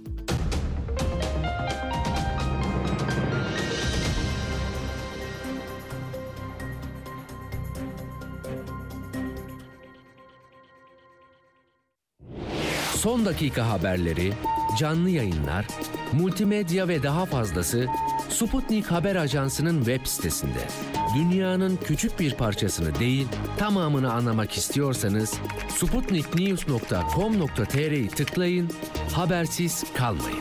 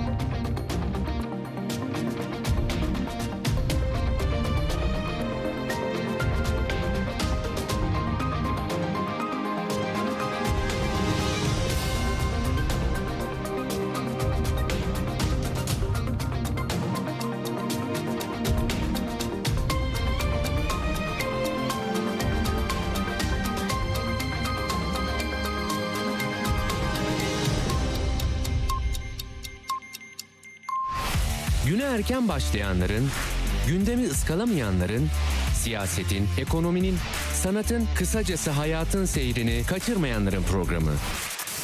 Ali Çağatay'la Seyir Hali hafta içi her sabah 7'den 9'a Radyo Sputnik'te. Evet yeniden birlikteyiz. Şimdi Vahdettin faslından kalan küçük bir not var. Onu da belirteyim öylece noktalayalım. Bildiğiniz gibi Türkler cengaver bir millet olmakla övünürler. E, fena değiliz evet uluslararası arenada e, namımız yürümüştür uzunca bir dönem 700 yıl en azından. Ancak bu dönemi böyle büyük yeknesak tek parça halinde bir kahramanlık hikayesi gibi alıyorsanız bu yanıltıcıdır. Bütün ulusların geçmişlerinde bu tür yeknesak ele alındığında büyük kahramanlık hikayeleri, mitoslar yazılabilir. Örneğin geçmişte çok büyük imparatorluklar kuran e, ülkeler vardır. Mesela Cengiz Han bir Moğol'dur ve bugünkü Moğolistan aslında Cengiz Han'ın ahvadı sayılabilir. Acaba Cengiz Han'ın soyundan gelen Moğollar mesela hiçbir yerde herhangi bir zeminde şöyle şeyler söylediler. Biz Cengiz'in torunlarıyız dünyaya egemen olacağız. Bundan sonra da dünya bizim olacak gibi böylesi ham bir hayalin peşinde koştuklarını hiç gördünüz mü? Ben görmedim. Makedonlar Büyük İskender'in İskender the Great ahvadından geliyorlar. Küçücük bir ülke 5 milyonluk. Hiçbir Makedon'un biz İskender'in ahvadıyız, dünyaya yeniden egemen olacağız dediğine tanık oldunuz mu? Ben olmadım. Daha başka mesela Perslerin büyük hükümdarı Darius dünyanın neredeyse dörtte birini ele geçirmiş yeni kıta yoktu o zaman dörtte birini ele geçirmiş bir imparatordan bahsediyoruz. İranlılar ya da Farslar biz Darius'un torunlarıyız dünyaya yeniden egemen olacağız gibi bir hülya içinde yaşıyorlar mı? Hayır hiç duymadım. Bu hülya ile yaşayan bir biz varız. Biz gerçekten son 20 yılda özellikle ondan öncesinde de vardı maalesef son 20 yılda beyinlere işlenen ve idiş edilen sinir uçlarımız yüzünden maalesef böyle hayaller görmeyi çok seviyoruz. Bu hayallerle yaşamak hoşumuza gidiyor. Hastayız söyleyeyim size. Ama iyileşeceğiz merak etmeyin. Çok kısa zamanda iyileşmenin yollarını açıyoruz. Osmanlı çok büyüktü. Evet gerçekten büyüktü. Osmanlı güçlüydü. Evet çok güçlüydü. Mesela ben Osmanlı'nın e, güçsüz bir devlet olduğunu, güçsüz bir e, askeri gücü olduğunu size bir örnekle kanıtlarsam, tabii şans e, yaver gittiği için pek çok şeyi başarılı hale getirmiş durumdayız.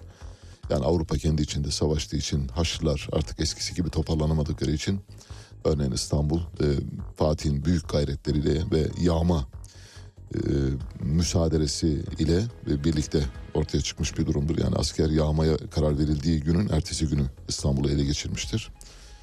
Aylarca süren muhasara ancak Fatih'in bir davul zurnayla tellallar çıkararak Padişahımız Efendimiz Hazretleri 4000 peygamber ve Hazreti Muhammed adına yemin eder ki babası adına yemin eder ki yağma serbesttir. Askerler elde edecekleri bütün ganimeti kendileri alabilirler. Kadınlar, çocuklar, zinet her şey dahil, hayvanlar dahil olmak üzere her şeyi kendilerine mal, mülk edinebilirler dedikten sonra ertesi gün fethedilmiştir. Mesela Bursa'nın fethi, Bursa bildiğiniz gibi Osmanlı'nın ilk başkenti. Bursa kaç yılda fethedilmiş olabilir sizce? Onucum var mı bir tahminin? Kaç yıl mesela? Yani, yani 200, 300 gün. Gün gün olarak mı diyorsun? Yıl olarak mı? Tamam evet peki e, Doruk Bey'in var mı acaba? Büyük tarihçi Doruk Bey. Yok. Mesela bir yılda fethedilmiş olabilir mi Bursa? Yok. İki? Yok. Üç? Hayır. Dört? Hayır. Beş? Hayır. Altı? Hayır. Yedi? Hayır. Bursa'nın fethinden bahsediyorum. Sekiz? Hayır. Dokuz? Hayır. On yılda. Bursa on yılda kuşatılarak fethedilmiştir. Osmanlı böyle çok olağanüstü işte fütuhatı çok gelişkin büyük güçlü bir ordusu var girdiği yeri dağıtıyor öyle bir şey yok. 10 yıl boyunca Bursa'yı işgal, muhasara ediyorsunuz kuşatıyorsunuz. Bursa'ya dışarıdan yardım gelmesini engelliyorsunuz içeridekiler pes ediyorlar hop 10 yıl sonra. Osman Gazi ile başladı. Osman Gazi Bursa'nın fethini göremedi bir iddia var. Yatağında, ölüm yatağındayken, ölüm döşeğindeyken gördüğü söyleniyor. Yani haberin ona geldiği söyleniyor. Orhan Gazi'ye na- nasip olmuştur. Böylece Osmanlı 10 yılda. Peki neden 10 yılda fethedebilmiştir? Yani daha kısa zamanda neden yapılmıştır? Tarihçi Bernard Lewis de yazar bunu. Pek çok kimse de yazıyor ayrıca. Heath Lowry adında bir e, tarihçi var. İstanbul'da Bilgi Üniversitesi'nde öğretim görevlisi. Onun e, kitaplarında da yer alır, e, geçer. Merak edenler bakabilirler. Osmanlı o yıllarda top dökmeyi bilmiyordu. Top dökmeyi bilmediği için kale surlarını dövemiyordu. Kale surlarını dövemediği için de kaleyi muhasara ederek yani boğarak, yokla, açlığa mahkum ederek ele geçiriyordu. Bursa'yı böyle fethetmiştir. Diyeceksiniz ki top dökmeyi bilmiyordu. E, tabii biliyordu ama şöyle küçük toplar, küçük küçük topçuklar. Ne zaman ki Macar Orban geldi, Fatih işte ona büyük şahi topları yaptırdı İstanbul. Biraz da o şahi topların surlarda açtı, gediklerin sayesinde fethedilmiştir. Osmanlı top dökmeyi bilmiyordu. Osmanlı'nın büyük bir savaş kabiliyeti vardı ama o kadar. Savaş kabiliyeti demek sadece insanların kılıç marifetiyle olmaz. Aynı zamanda teknolojiyle olur. Mancınıklar, toplar, ateşli silahlar kullandığınız zaman ancak savaşlarda başarılı olabilirsiniz.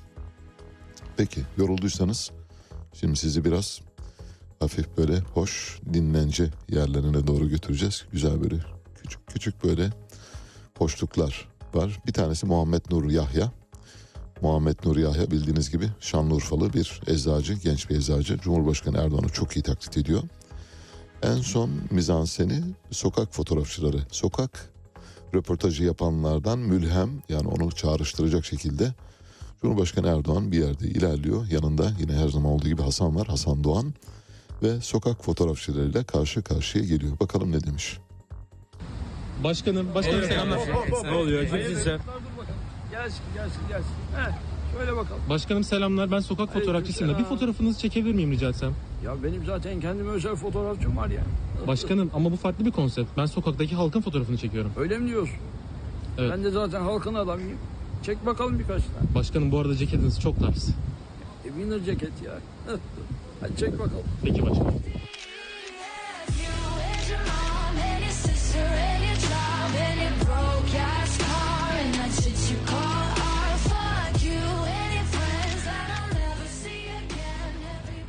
Başkanım beğendiniz mi fotoğrafları? Oğlum seni Bay Kemal mi yolladı ya? Başkanım ben ben daha yeni başladım bu işe. Belli. Sen şöyle farklı alanlara yönel ya. Boş ver fotoğrafçılığı. Peki başkanım. Tamam. Tamam. Hasan sen yine de airdrop'la al şunları. Hemen başkanım. Heh. Ver bakalım Hadi fotoğrafları. Evet. Başkanın fotoğrafçısı, sokak fotoğrafçılarıyla olan karşılaşmasını anlatıyor Muhammed Nur Yahya. Türkiye'de binlerce kişiyi dolandırmaktan kırmızı bültenle aranan TODEX'in kurucusu Faruk Fatih Özer Arnavutluk'ta hakim karşısına çıktı ve mahkeme duruşmayı 21 Ekim'e erteledi. Bu arada Arnavutluk e, makamları, Arnavutluk hükümeti, Adalet Bakanlığı Faruk Fatih Özer'in Türkiye iadesi yönünde görüş bildirdi. 21 Ekim'de muhtemelen Faruk Fatih Özer Türkiye'ye gelecek diye düşünüyoruz. Eğer bir aksilik olmazsa tabii orada da şöyle bir durum olabilir. Ya, adalet bizde bağımsızdır, yargı bağımsızdır. Biz yargıya talimat veremeyiz. Evet hükümetimizin görüşü bu yönde ama maalesef yar, adaletin kestiği parmak acımaz deyip iade etmeyebilirler. Zaten Faruk Fatih Özer bütün parayı kaptırdı. Kime? Sırp mafyasına ve Arnavutluk mafyasına kaptırmış durumda. Mafya Scalieri, Mafya Skiptare. Onların elinde şu anda beş parasız bir adam Türkiye'ye iade edilecek. Konuşursa belki bir takım kişiler rahatsız olabilir. Bu yüzden de gelmeyebileceğine dair iddiamı sürdürüyorum buradan. Rasim Ozan Kütahyalı gazeteci eşi Nagihan Alçı'nın bir yıl aradan sonra Afganistan'a gittiğini duyurdu. Şimdi bu haberde bir tuhaflık var. Tuhaflık ne derseniz e, Nagihan Alçı'nın kendisi gazeteci. Kendi kendisini duyuramıyor mu? Yani ben Afganistan'a gittim diye yazamaz mı? Yazı yazmıyor mu? Yazıyor. Nagihan Alçı'nın bu cümleyi kurabilme yetisi yok mu? Var. Peki neden acaba Rasim Ozan Kütahyalı Nagihan Alçı bir yıl aradan sonra Afganistan'da diye anons ediyor? Şöyle yazdı Rasim Ozan Kütahyalı. Neden olduğunu söyleyeceğim birazdan. Nagihan Alçı bir sene sonra yeniden Afganistan sokaklarında Taliban'ın Afganistan'da bir sene içinde neler değişti? Bu arada e, şey anons yaz- yazmış yani tanıtım anonsu tanı- tanıtım e, feature yazmış. Taliban rejiminin yöneticileri İran'da yaşanan Mahsa Emini isyanı ile ilgili neler düşünüyor? Tanıtım metnini Rasim Özon yazmış. Vallahi bravo. İsim vermeyeyim ama dünya medyasının konuşacağı röportajlar geliyor. Bre bre. Nagihan Alçı. Peki neden acaba Nagihan Alçı kendisi duyurmuyor? Mesela Nagihan gazeteci değil mi? Nagihan Alçı. Bence gazeteci. iyi de bir gazeteci. Yazıyor. Çok güzel şeyler yazıyor ben okuyorum. Acaba yeni bir hata yapmasının önüne mi geçmek istiyor olabilir Rasim Ozan Kütahyalı? Biliyorsunuz Nagihan Alçı daha önce Afganistan Taliban tarafından ele geçirildiği günlerde gidip ben Afganistan'dayım diye bir fotoğraf vermişti. Sonra fotoğrafın Pakistan'da çekildiği ortaya çıkmıştı. Şimdi aynı hataya düşmesin diye Nagihan Alçı Afganistan'da sen fotoğraf çekme ben onu yayınlarım sen merak etme o iş bende demiş. Oradan olabilir. Çünkü ikinci kez aynı hata olmasın diye düşünüyor olabilirler. Diyarbakır'ın 8 bin yıllık Hevsel bahçeleri fotoğrafı da var arkadaşlarımız paylaşacaklar. Cennet gibi bir yer. Hevsel bahçeleri Dicle Nehri'nin kıyısında ve Diyarbakır Kalesi'nin surlarının hemen altında yemyeşil bir cennet. Yani Hasan Sabbah'ın cennetine herhalde tur bindirir öylesine güzel bir yer. Şimdi Hevsel bahçelerinin yok olma riski var. Hevsel bahçelerine imar izni de dahil olmak üzere pek çok şey hazırlanıyor. Oraya böyle güzel bir millet bahçesi yapalım. Millet bahçesinin yanına bir AVM yapalım. AVM'nin yanına birkaç tane tesis konduralım gibi şeyler düşünülüyor. 8 bin yıllık burada. 8 bin yıllık tarih bu arada UNESCO tarafından koruma altına alınmış. Dünya mirası listesine alınmış bir yer. Türkiye Mimarlar Mühendisler Odası Diyarbakır İl Koordinasyon Kurulu, Ekoloji Derneği ve Diyarbakır Barosu Kent Hukuku Komisyonu tarafından hazırlanan raporda Hevsel bahçelerinde yaşanan tahribata dikkat çekildi. Paylaşılan raporda kentteki çok sayıda sivil toplum örgütü, siyasi parti ve sendikalarda imza koydular. Hevsel bahçeleri Dicle Nehri'nin kıyısında Diyarbakır Kalesi'ne çok komşu bir vadinin ortasında vadinin bütün boyunca giden bir düzlükten bahsediyoruz. 700 hektarlık bir alan, çok verimli bir arazi. Güneydoğu Anadolu bölgesinin aynı zamanda kuş cenneti. 180'den fazla kuş türü yaşıyor. Dünyada bu kadar çok kuş türünün bir arada olduğu kuş cenneti nadir, nadirattandır. Susamuru var, tilki var, sansar var, sincap var, kirpiler var. Onların barınakları ve ayrıca e, uçucular da bir hayli çok sayıda türle temsil ediliyor. Şahin var, kızıl şahin var, arı şahini var. Yılan kartalı var bölgede. Gökçe delice var, kukumav kuşu var. Kerkenez var ve diğer yurtucu kuşlar var. Ayrıca çok nadir bulunan bir yaz atmacası var. O da buraya, burada, orada. Yani Hevsel bahçeleri onlara da ev sahipliği yapıyor. UNESCO 2015'te Dünya Mirası'na almıştı listeye. Şu anda günübirlik neredeyse orada Hint keneviri operasyonu yapılıyor. Hint keneviri 500 kök, 1000 kök, 2000 kök, 3000 kök Hint keneviri yakalandı diye. Bu haberler neden yapılıyor? Burası uyuşturucu cennetine dönmüşmüş. Biz burayı kurtaralım diye şimdi Hevsel bahçelerine konma mücadelesi veriliyor. Bakalım sivil toplum örgütlerinin çabası yeterli gelecek mi? Şimdi uzayda reklam vermek isterseniz bu artık mümkün. Rus bilim insanları gerçekleştirdi bunu. Rus bilim insanları uzaya yerleştirilecek olası bir reklam tabelası için gereken bir sistem tasarladılar. Bilim insanlarının sistemi birden fazla uydudan oluşan ve uyduların hareketiyle yeryüzünden gözlemlenebilen simgelerden oluşuyor. Uzaya uydulardan oluşan bir tabela yerleştirmenin maliyeti 65 milyon dolar.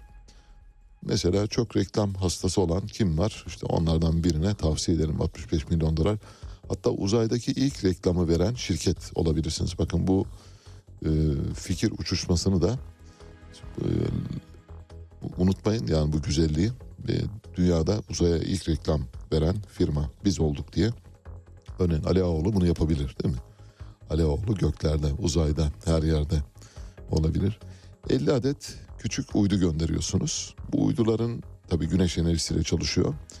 Güneşle senkronize bir şekilde yörüngede dönüyor uydular. Yörüngeye yerleştikten sonra güneş ışığını dünyaya doğru yansıtıyor ve güneş ışığını dünyaya doğru yansıtırken parabolik reflektörleri çıkarıyorlar. Yani üzerlerinden atıyor. Soyunuyorlar deyim yerindeyse. O parabolik reflektörleri çıkarıyorlar. Gerçek yüzleri ortaya çıkıyor. Böylece uydu üzerinden geçtikleri noktada çıplak gözle görülüyor. 50 uydu yörüngede belli bir düzende hareket ediyor. Yeryüzünden bakıldığında anlamlı gözüken simgeler, harfler oluşturulabiliyor. Hatta yeryüzündeki reklam vericinin hedef kitlesi ve bölgesine göre bu şekiller değişebiliyor. Yörüngede mesela Atlanta'nın üzerinden geçiyorsunuz değil mi? Orada mesela Bill Clinton'a selam gönderiyorsunuz. Bu tarafa doğru geçiyorsunuz. E, Hindistan'a gidiyorsunuz orada birine selam veriyorsunuz. Türkiye'de gelip Ali Ağaoğlu'na selam veriyorsunuz. Kocaman mesela bakıyorsunuz gökyüzüne Ali Ağaoğlu çıplak gözle görebiliyorsunuz. Yazılabilir. 65 milyon US dollars. Evet büyük bir futbolcudan bahsedeceğiz. Uzunca bir süredir konuşayım istiyordum. Daha doğrusu üzerinde konuşalım istiyordum. Erling Haaland. Haaland bir Norveçli futbolcu, Norveçli yıldız Erling Haaland. Şu anda mevcut yaşayan futbolcular içinde en büyüklerinden biri olarak kabul ediliyor. Bir fotoğrafı var arkadaşlarımız paylaşsınlar. Henüz 21 yaşında, 22 yaşında affedersiniz. 2000 doğumlu. Premier Lig'de Manchester City'de oynuyor. Ve Manchester City'de şu ana kadar 11 maçta 40 gol attı. 11 maçta 40. Maç başına neredeyse 3.8 gol atıyor. Müthiş bir gol makinesi. Ve İspanyol teknik direktör Manchester City'yi yöneten Pep Guardiola bu göz kamaştırıcı sezona başlangıç yaparken gollerin yarısını Erling Haaland'ın attığını söylüyor. Başarının da kendisine ait. İşte teknik direktörlerin böyle bir şansı var. Mesela Fatih Terim'e denk gelmiş olsaydı değil mi? Hey hey hey. Hey hey hey. Artık Fatih Terim'e kulüplerden kulüp beğen. Yerlerden yer beğen. İşte denk gelmiyor işte Pep Guardiola'ya na- nasip oldu maalesef. Ee, Danimarka e, karşısında attığı bir e, goller var. O, bu gollerle birlikte en son attığı gollerle birlikte toplamından bahsediyorum. Maç başına 1.27'lik gol ortalaması var. Maç başına 1.27'lik gol ortalaması dünya futbol tarihinde dünya futbol şampiyonasının organizasyon tarihi boyunca 98 takımın gol ortalamasından daha iyi. Tek bir futbolcu dünya futbol tarihinde Dünya Futbol Şampiyonası'na katılmış 98 takımın ortalamasından daha iyi. Tek bir futbolcu 98 ülkenin takımını geride bırakıyor. Şampiyonlar Ligi'nde 27 golü var olan e, Rivaldo ve Luis Suarez'i de geride bıraktı Haaland bu ortalamayla. Ayrıca Cristiano Ronaldo, e, Lionel Messi ve Robert Lewandowski gibi yıldızların da üzerinde. Nasıl? Şu anda dünyanın bir numarası 22 yaşında müthiş bir oyuncu. Olağanüstü bir gücü var. Çok hızlı bir defa. Çok hızlı koşuyor. Müthiş bir depar atıyor. Hüseyin Bolt kadar hızlı koştuğunu söyleyebilirim. Yani hani topla koşmak ayrı bir şey biliyorsunuz. Hüseyin Bolt serbest koşuyor. Önünde bir şey yok, arkasında bir şey yok. Koşturmak zorunda kaldığı bir şey yok. Dolayısıyla o çok daha hızlı koşuyor ama örneğin Haaland eğer bir sprinter olmaya kalkmış olsaydı belki Hüseyin Bolt kadar hızlı koşabilirdi. 60 milyon euroluk bir bonservis bedeli var. Şu anda almak isteyenler için söylüyorum. İngiliz pasaportu olmasına rağmen Norveç pasaportunu kullanıyor ve Norveç milli takımında forma giyiyor.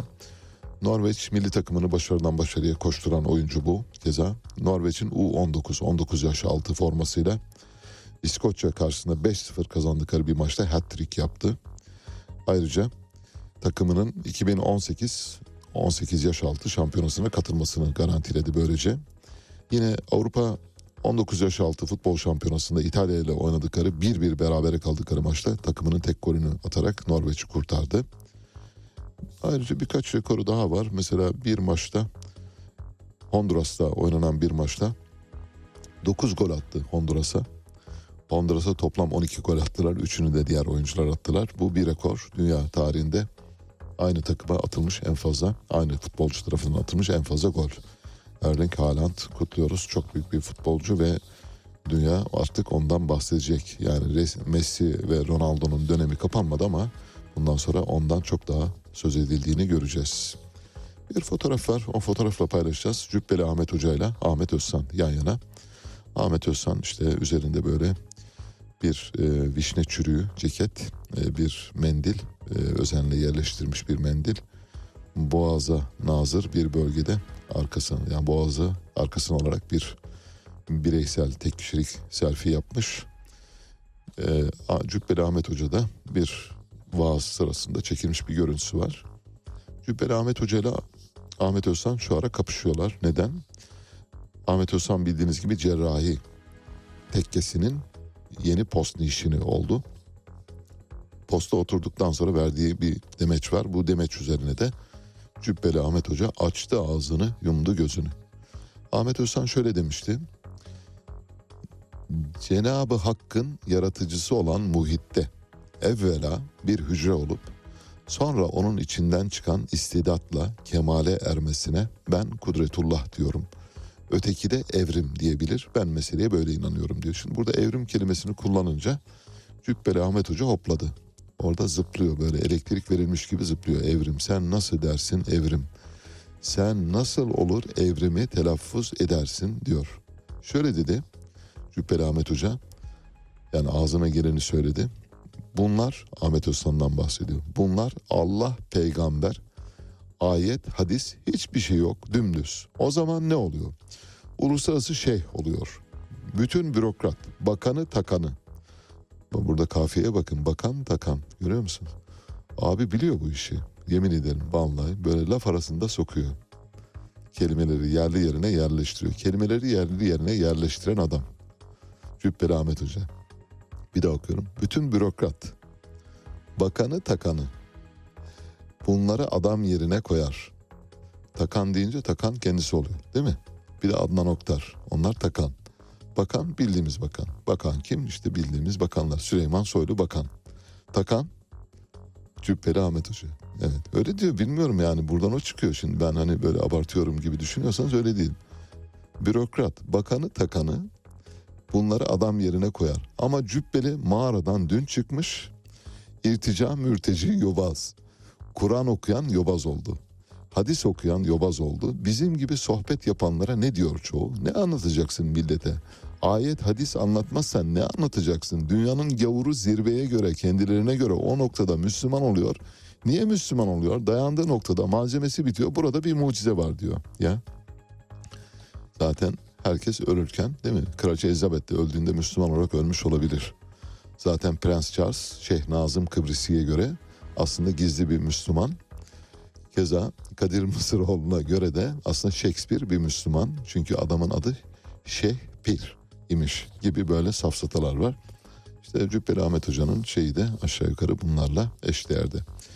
Borsa dolandırıcılığı tutuklularından biri ünlü bir turizmci çıktı. Ünlü turizmci kim? Tatil Sepeti Kom'un kurucusu ve CEO'su yönetim kurulu başkanı Necip Kaan Karayal. Necip Kaan Karayal şu anda gözaltında tutuklu daha doğrusu.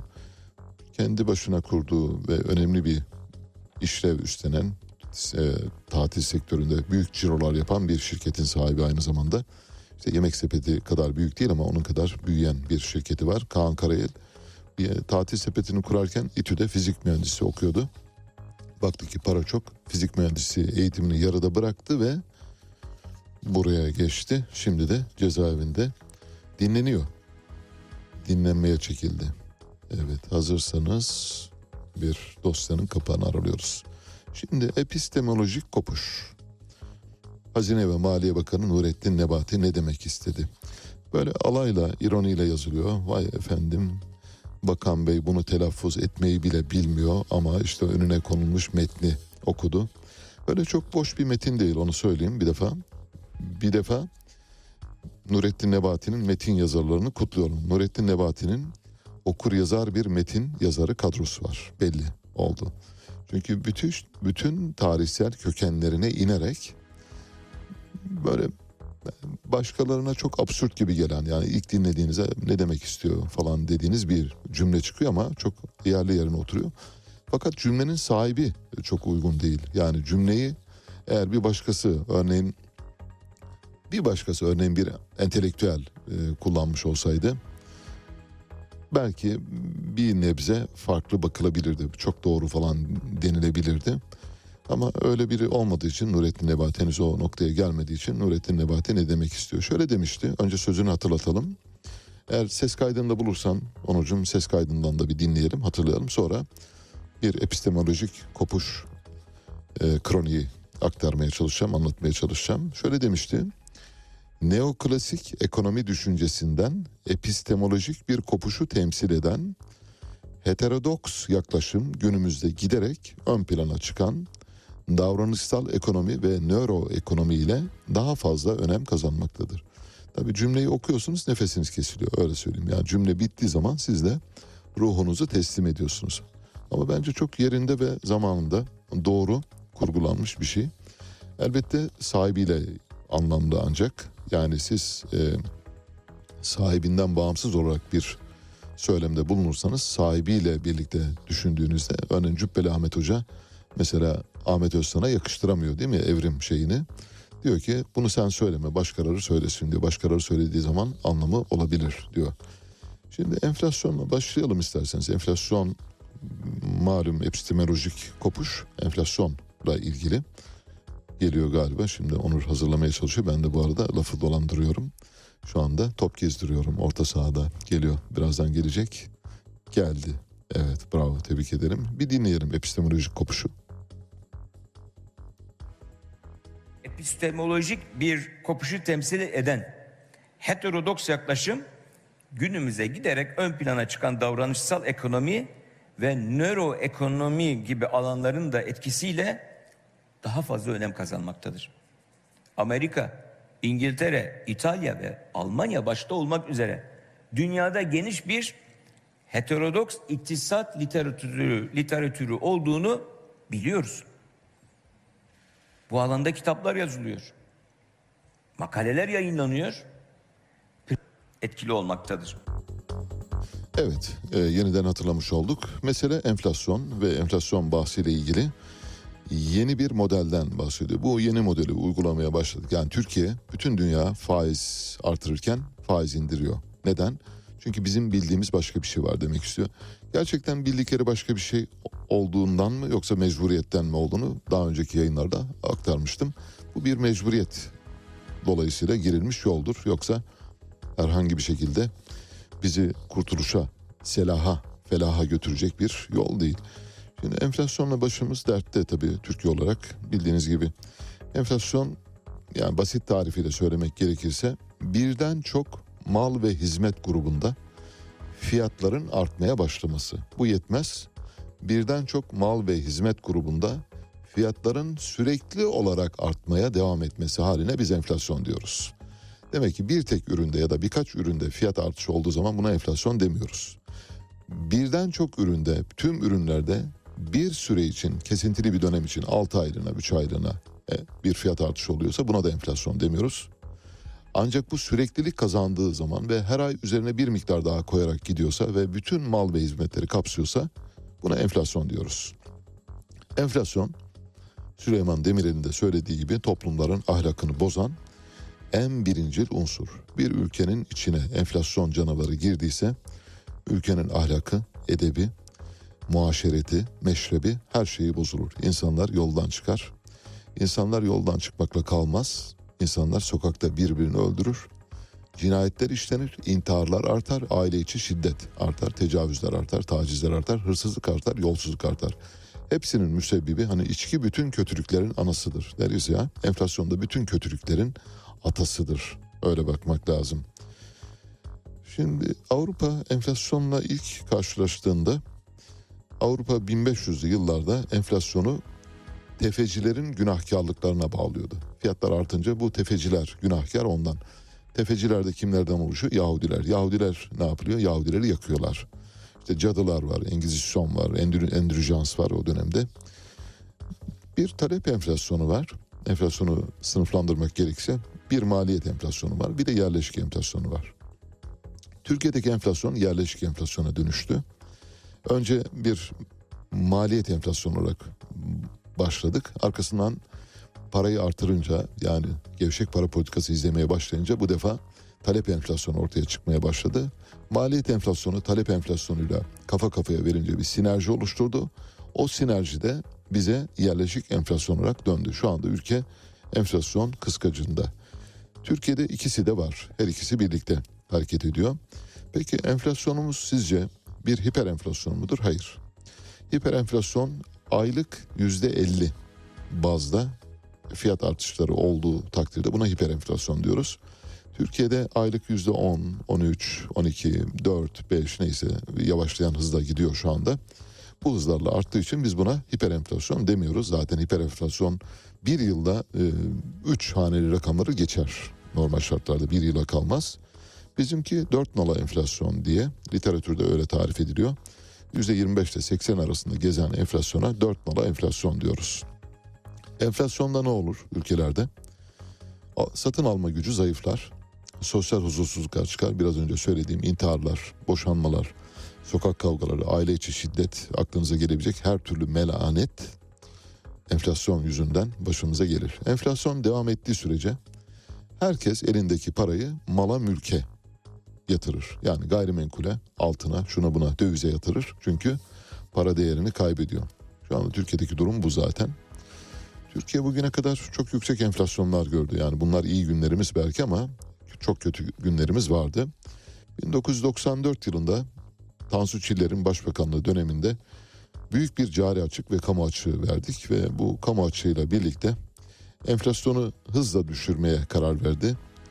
Büyük iktisatçı Tansu Çiller ve Türk lirası %38 devalüe edildi. %38 değer kaybetti ve Amerikan doları da bir ay içinde 8 bin liradan 42 bin liraya çıktı. Şimdiki durum nedir? 8 liradan 18 liraya çıktı. Eskisine göre iyi mi? Evet daha iyi durumdayız. Eski enflasyon %125 yani Tansu Çiller dönemindeki enflasyon %125 şimdi 84 civarında. Ona göre daha iyi durumda olduğumuzu söyleyebiliriz ama bunları tabii içinize su serpilsin diye söylemiyorum. Birazdan anlattığım zaman durumun çok vahim olduğunu zaten hep birlikte göreceğiz. Şu andaki modele heterodoks bir model diyor Nurettin Nebati.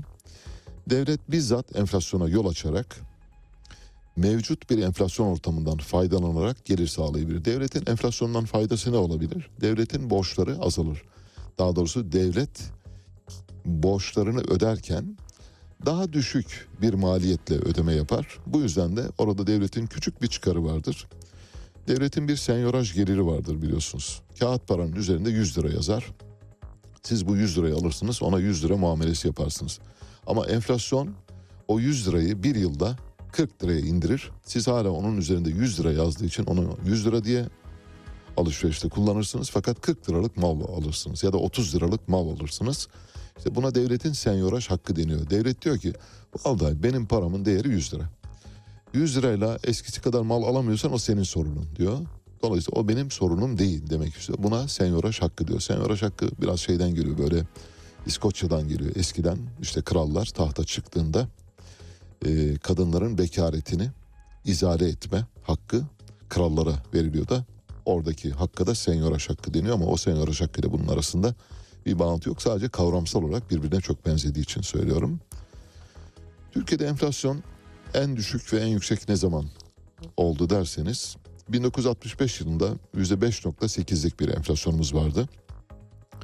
68'de tarihin en düşük enflasyonlarından biri ortaya çıktı. Bugüne kadar gördüğümüz görebileceğimiz en düşük enflasyon Atatürk dönemini saymıyorum bu arada. Atatürk döneminde neredeyse sıfıra yakın enflasyonlar gördük.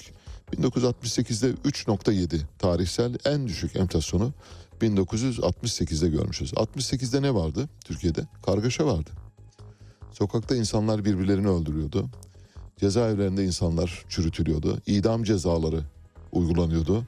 Askeri darbeler, muhtıralar kol geziyordu. Bakın ülkenin içinde bulunduğu kargaşa ortamına rağmen. Ülkede sokakta insanlar birbirlerini boğazlarken, tabii bu olsun diye söylemiyorum elbette. Sadece enflasyonla diğer parametreler arasındaki bağların aslında çok gevşek olduğunu ifade ediyorum. Ülkenin durumu berbat fakat enflasyon neredeyse dip seviyelerde 3.7 tarihsel 1968 kitlesel olaylardan bahsediyoruz. 68 gençliği beni dinliyorsa çok rahat anlayabilir. En yüksek enflasyon 1980'lerde en yüksek enflasyonlardan biri %115 oldu. Turgut Özal 24 Ocak kararlarını hayata geçirmeden birkaç gün önce ortaya çıkan enflasyon rakamıydı. Sonra enflasyon giderek düştü. Çünkü 24 Ocak kararlarıyla Batı Türkiye'den istediklerini aldı. Dedi ki bizim gibi davranın, bizim dediklerimizi yapın kardeşim gerisine bakmayın. Biz sizi kurtarırız. Ve 24 Ocak kararlarını aldık. 24 Ocak kararları neydi? Ekonominin libere edilmesiyle ilgiliydi. Kambiyo rejimi değişti. Dolar bulundurmak serbest hale geldi. Bankalar daha kolay işlem yapmaya başladı. E, İhracatta liberalizasyon ortaya çıktı. İthalatta liberalizasyon ortaya çıktı. İçeriye her türlü mal girdi. Bütün kitleri sattık, bitleri sattık, iktisadi devlet teşekkürlerini sattık. Elimizde avucumuzda ne varsa ve enflasyonumuz yükseldi. Çünkü bizden istediklerini almışlardı. Ondan sonraki yani 1980'de %115 olan enflasyon 1981'de 33'e düşer mi? Düştü. Çünkü istediklerini almışlardı. Bir ekonomik tetikçinin itirafları John Perkins. Kitaplarına bakınız diyorum. 1989'da %68'e çıktı. Turgut Özal'ın son dönemleriydi. 1994'te muhteşem ek- ekonomist, büyük iktisatçı, e, adına Nobeller adanalısı insan, büyük Türk insanı Profesör Doktor Tansu Çiller döneminde Türkiye Cumhuriyeti en yüksek enflasyonu yaşadı. Yüzde 125 şimdi de kıyıdan köşeden tekrar sisteme dahil olmaya çalışıyor. AK Parti iktidarları döneminde en düşük enflasyon 2010 yılında yüzde 6.4 olarak şekillendi. 6.4'ten daha düşük enflasyon görmedik. Peki gelelim epistemolojik kopuşa. Enflasyon. Epistemolojik kopuşla enflasyon arasındaki bağıntıdan dolayı enflasyonu bu kadar uzun uzadıya tuttuk. Epistemoloji bilgi felsefesi anlamına geliyor. Yani bilgi bilimi. Bilgiyi öğrenebilme bilimine epistemoloji diyoruz. Epistemoloji felsefenin etik, mantık ve metafizik kollarıyla birlikte dört ana kolunu oluşturuyor. Demek ki felsefenin dört kolu var. Bunlardan biri epistemoloji, öteki etik, öteki mantık, diğeri de metafizik. Bize epistemoloji bilgiyi nasıl elde edeceğimizi gösteriyor. Bilgiye nasıl ulaşacağım? Bilgi nedir diye soruyor önce. Sonra bilginin kaynağını sorgulatıyor. Sonra bilginin değerini anlatıyor bize. Bilginin sınırını işaret ediyor. Var mıdır sınırı diye bunları öğretiyor. Epistemolojik kopuş aslında Marx'tan beri iktisat literatüründe olan bir kavram. Marx bildiğiniz gibi Hegel'in idealist felsefesinden esinlenmiştir. 18-19. yüzyılda yetişen bütün iktisatçılar bila istisna aklınıza kim geliyorsa tamamı Hegel'in çocuklarıdır. Nasıl ki tüm Rus romancılar Gogol'un paltosundan çıkmışsa tüm iktisatçılar da Hegel'in çantasından çıkmıştır. Hegel insanlık tarihinin en büyük hem iktisatçı hem felsefecilerinden biridir. Ama Hegel idealist felsefenin savunucusuydu. Marx'la Hegel şuradan ayrıldılar. Marx Hegel'in idealist felsefesinin üzerine materyalist bir zırh giydirdi.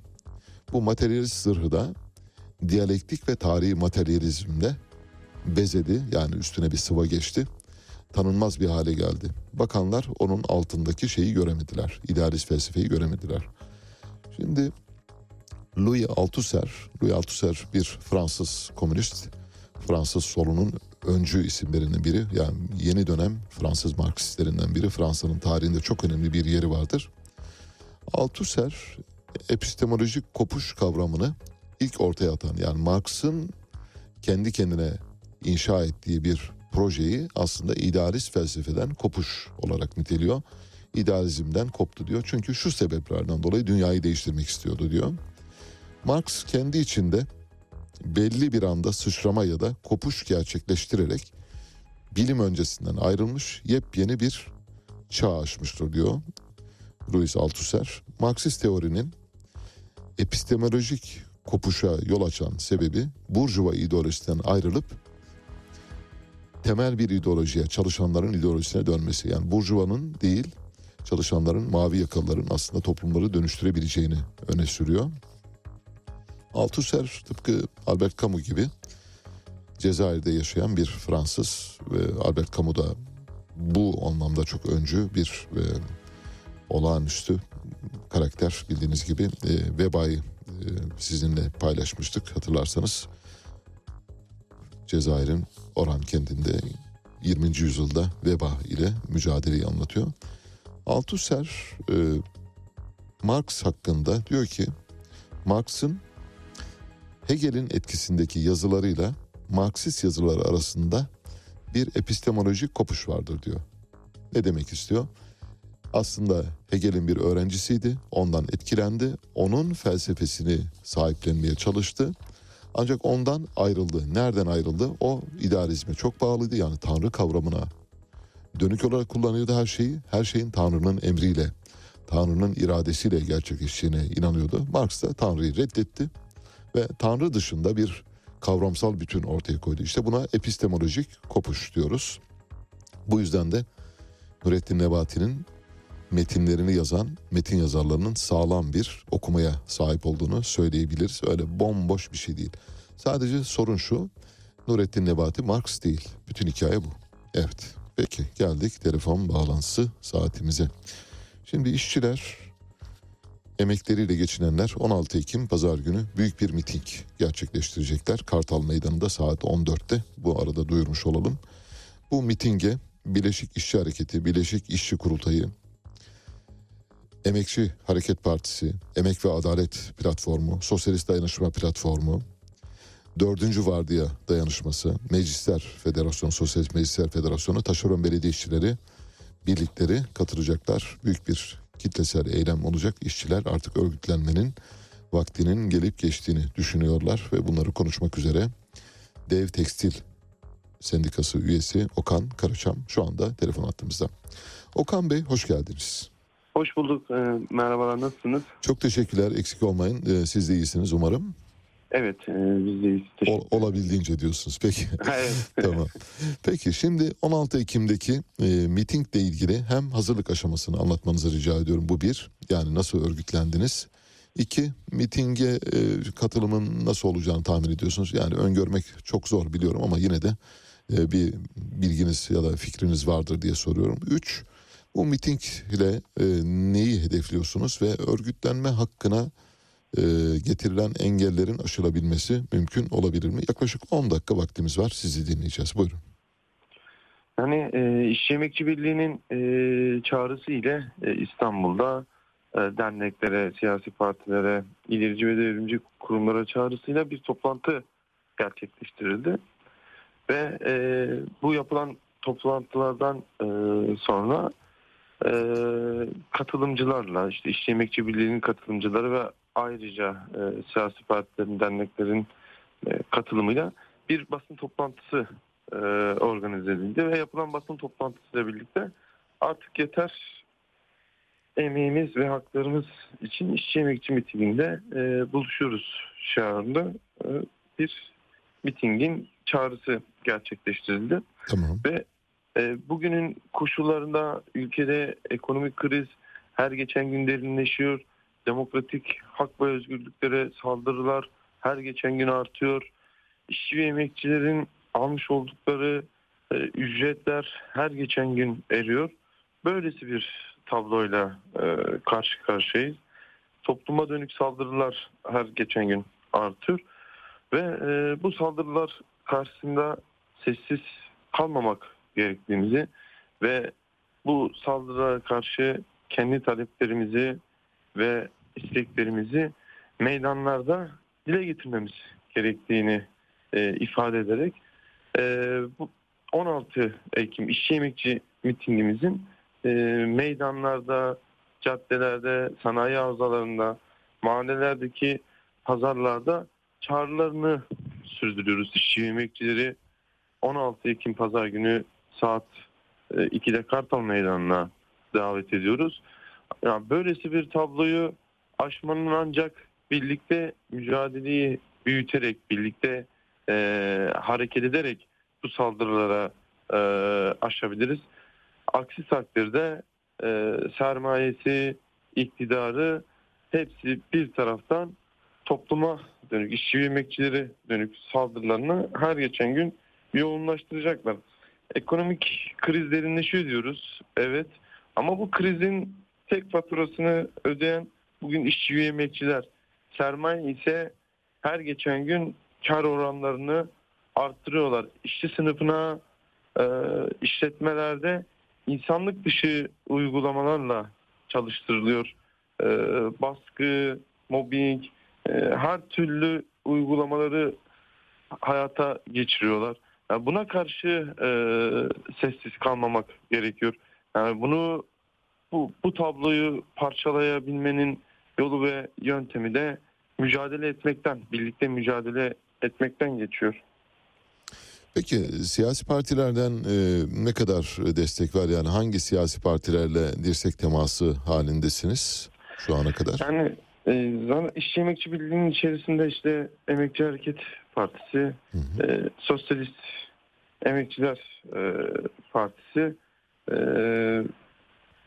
ile birlikte şey yapıyoruz ve ayrıyetten de işte e, sendikalar, dernekler. Türkiye İşçi Partisi ve HDP yok. Türkiye- yok. Yok. E, Türkiye İşçi Partisi e, ve diğerleri bu miting organizasyonunun içerisinde yoklar. Herkes Yani siz mi yaptı. çağrıda bulunmadınız Türkiye İşçi Partisi ve HDP'ye yoksa onlar mı? Hep- hepsine, herkese. Hepsine çağrıda e, bulundunuz. Onlar evet. Çağrıda bulunduk. Ki, kesinlikle bir sınırlama koymadık. Bir şey yapmadık. Herkese, tüm sendikalara, siyasi partilere, derneklere, ilerici devrimci kurumlara bu mitingi birlikte örgütleyelim, birlikte sözümüzü söyleyelim. O kürsü işçilerin, emekçilerin kürsüsü olsun. Çıksınlar sorunlarımızı, bu sorunlara karşı neler yapabileceğiz bunları konuşsunlar. Yani partiler, dernekler e, veyahut da ilerici devrimci kurumların temsilcileri değil, işçilerin kendi sözlerini söylesinler diyerek herkese ayrım gözetmeksizin çağrımızı gerçekleştirdik. Evet. Tabii siyasi partilerin e, bu tür mitinglere katılmasının hem faydası var hem zararı var. Zararı şu, e, siyasi parti mitingine dönüşür. Dolayısıyla işçi e, hakları orada çok fazla öne çıkmaz. E, siyasi partinin bir boy gösterisine dönüşür. Ama katılmamalarının e, zararı şu, e, elbette güç birliği oluşturmada bir eksiklik anlamına geliyor. Yani tüzel kişilikleriyle değil de işte e, gönüllü e, örgütleriyle ve diğer organlarıyla katılmış olsalar belki e, destek vermiş olsalar en azından size lojistik olarak destek vermiş olsalar belki çok daha güçlü bir oluşum olabilirdi diye düşünüyorum. O bakımdan sordum ben de şeyi. Yani biz herkesi bekliyoruz. E, miting gününe e, işte tüm siyasi partileri veyahut da dernekleri imzacısı olmayan e, faaliyetine katılmayan yine biz herkesi o meydana bekliyoruz. Peki size kolaylıklar diliyoruz. 16 Mart Pazar günü saat 14'te Kartal Meydanı'nda Büyük İşçi Emekçi mitingi var. Bu mitinge katılmak isteyenler için buradan çağrımızı yineleyelim ve hatırlatmış olalım. Evet bugünün de ve haftanın da sonuna geldik. Size şu anda Nina Simon dinletiyoruz. Söylediği parça Go to Hell diyor. Protest, aktivist ve Amerikan tarihi bakımından, siyahiler bakımından bir ikona olarak kabul edilmiş yaşadığı dönemde şu anda da yaşamayan bir ikona olarak hala varlığını sürdürüyor. Bu yayını kumanda masasında Onurer, editör masasında Doruk Urgancı ile birlikte gerçekleştiriyoruz. Yayınımızın tekrarı bundan böyle olmayacak. Daha doğrusu hemen arkasından olmayacak. Birazdan Mehtap Yeni Doğan saat başı haberlerle karşınıza geliyor. Hepinize hem çok güzel bir gün hem de çok çok iyi bir hafta sonu diliyorum. Hoşçakalın.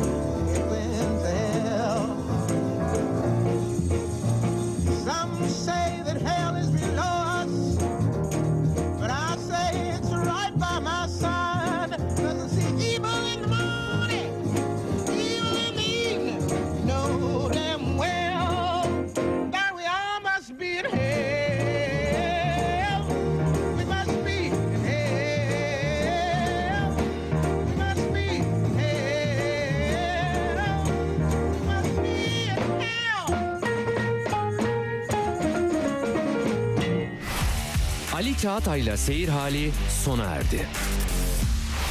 Güne erken başlayanların, gündemi ıskalamayanların, siyasetin, ekonominin, sanatın, kısacası hayatın seyrini kaçırmayanların programı. Ali Çağatay'la Seyir Hali hafta içi her sabah 7'den 9'a Radyo Sputnik'te.